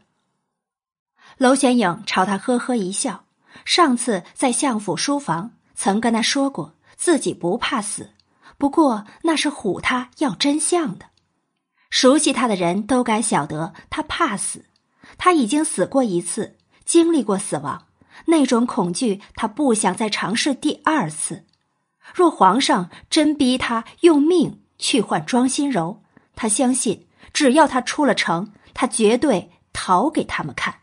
从此天涯海角任他逍遥，他再也不会回来。至于楼家上下其他人，那就不是他的事了。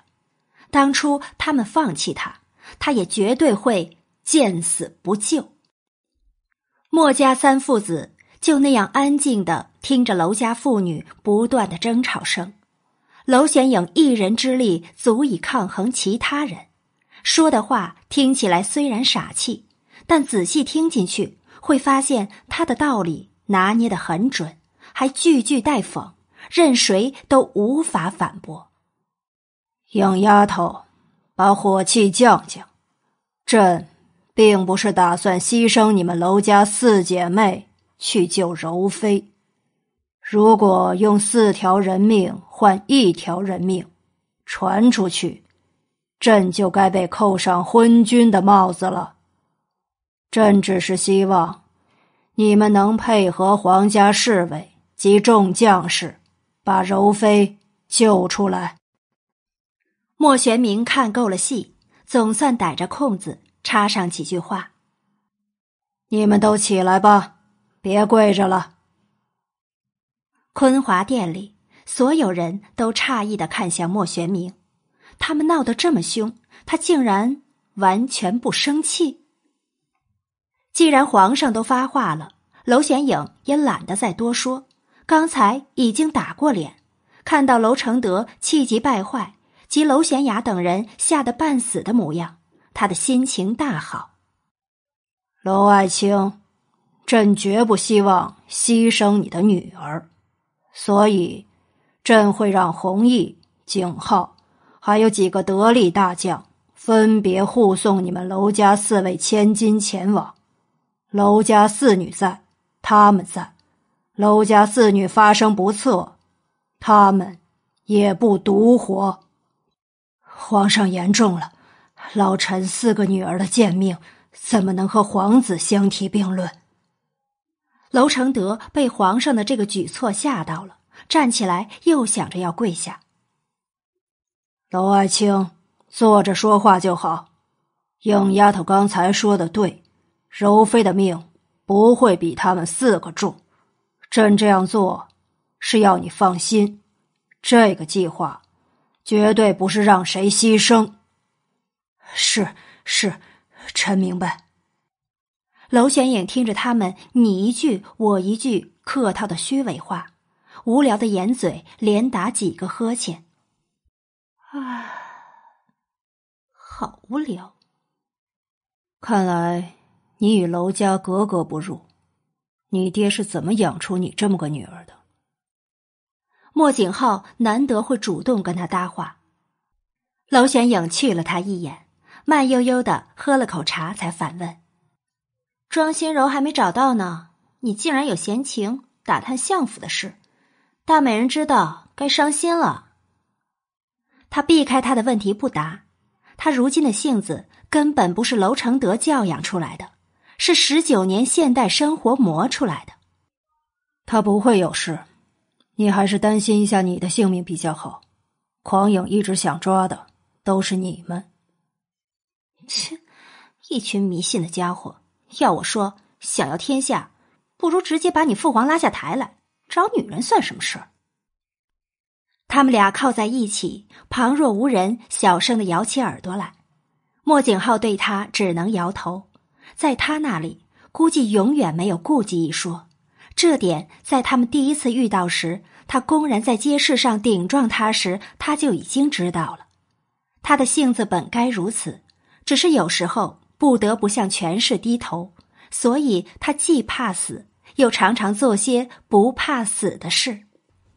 莫景浩突然被点到名，惊醒了交谈中的两人，他们双双看向莫玄明。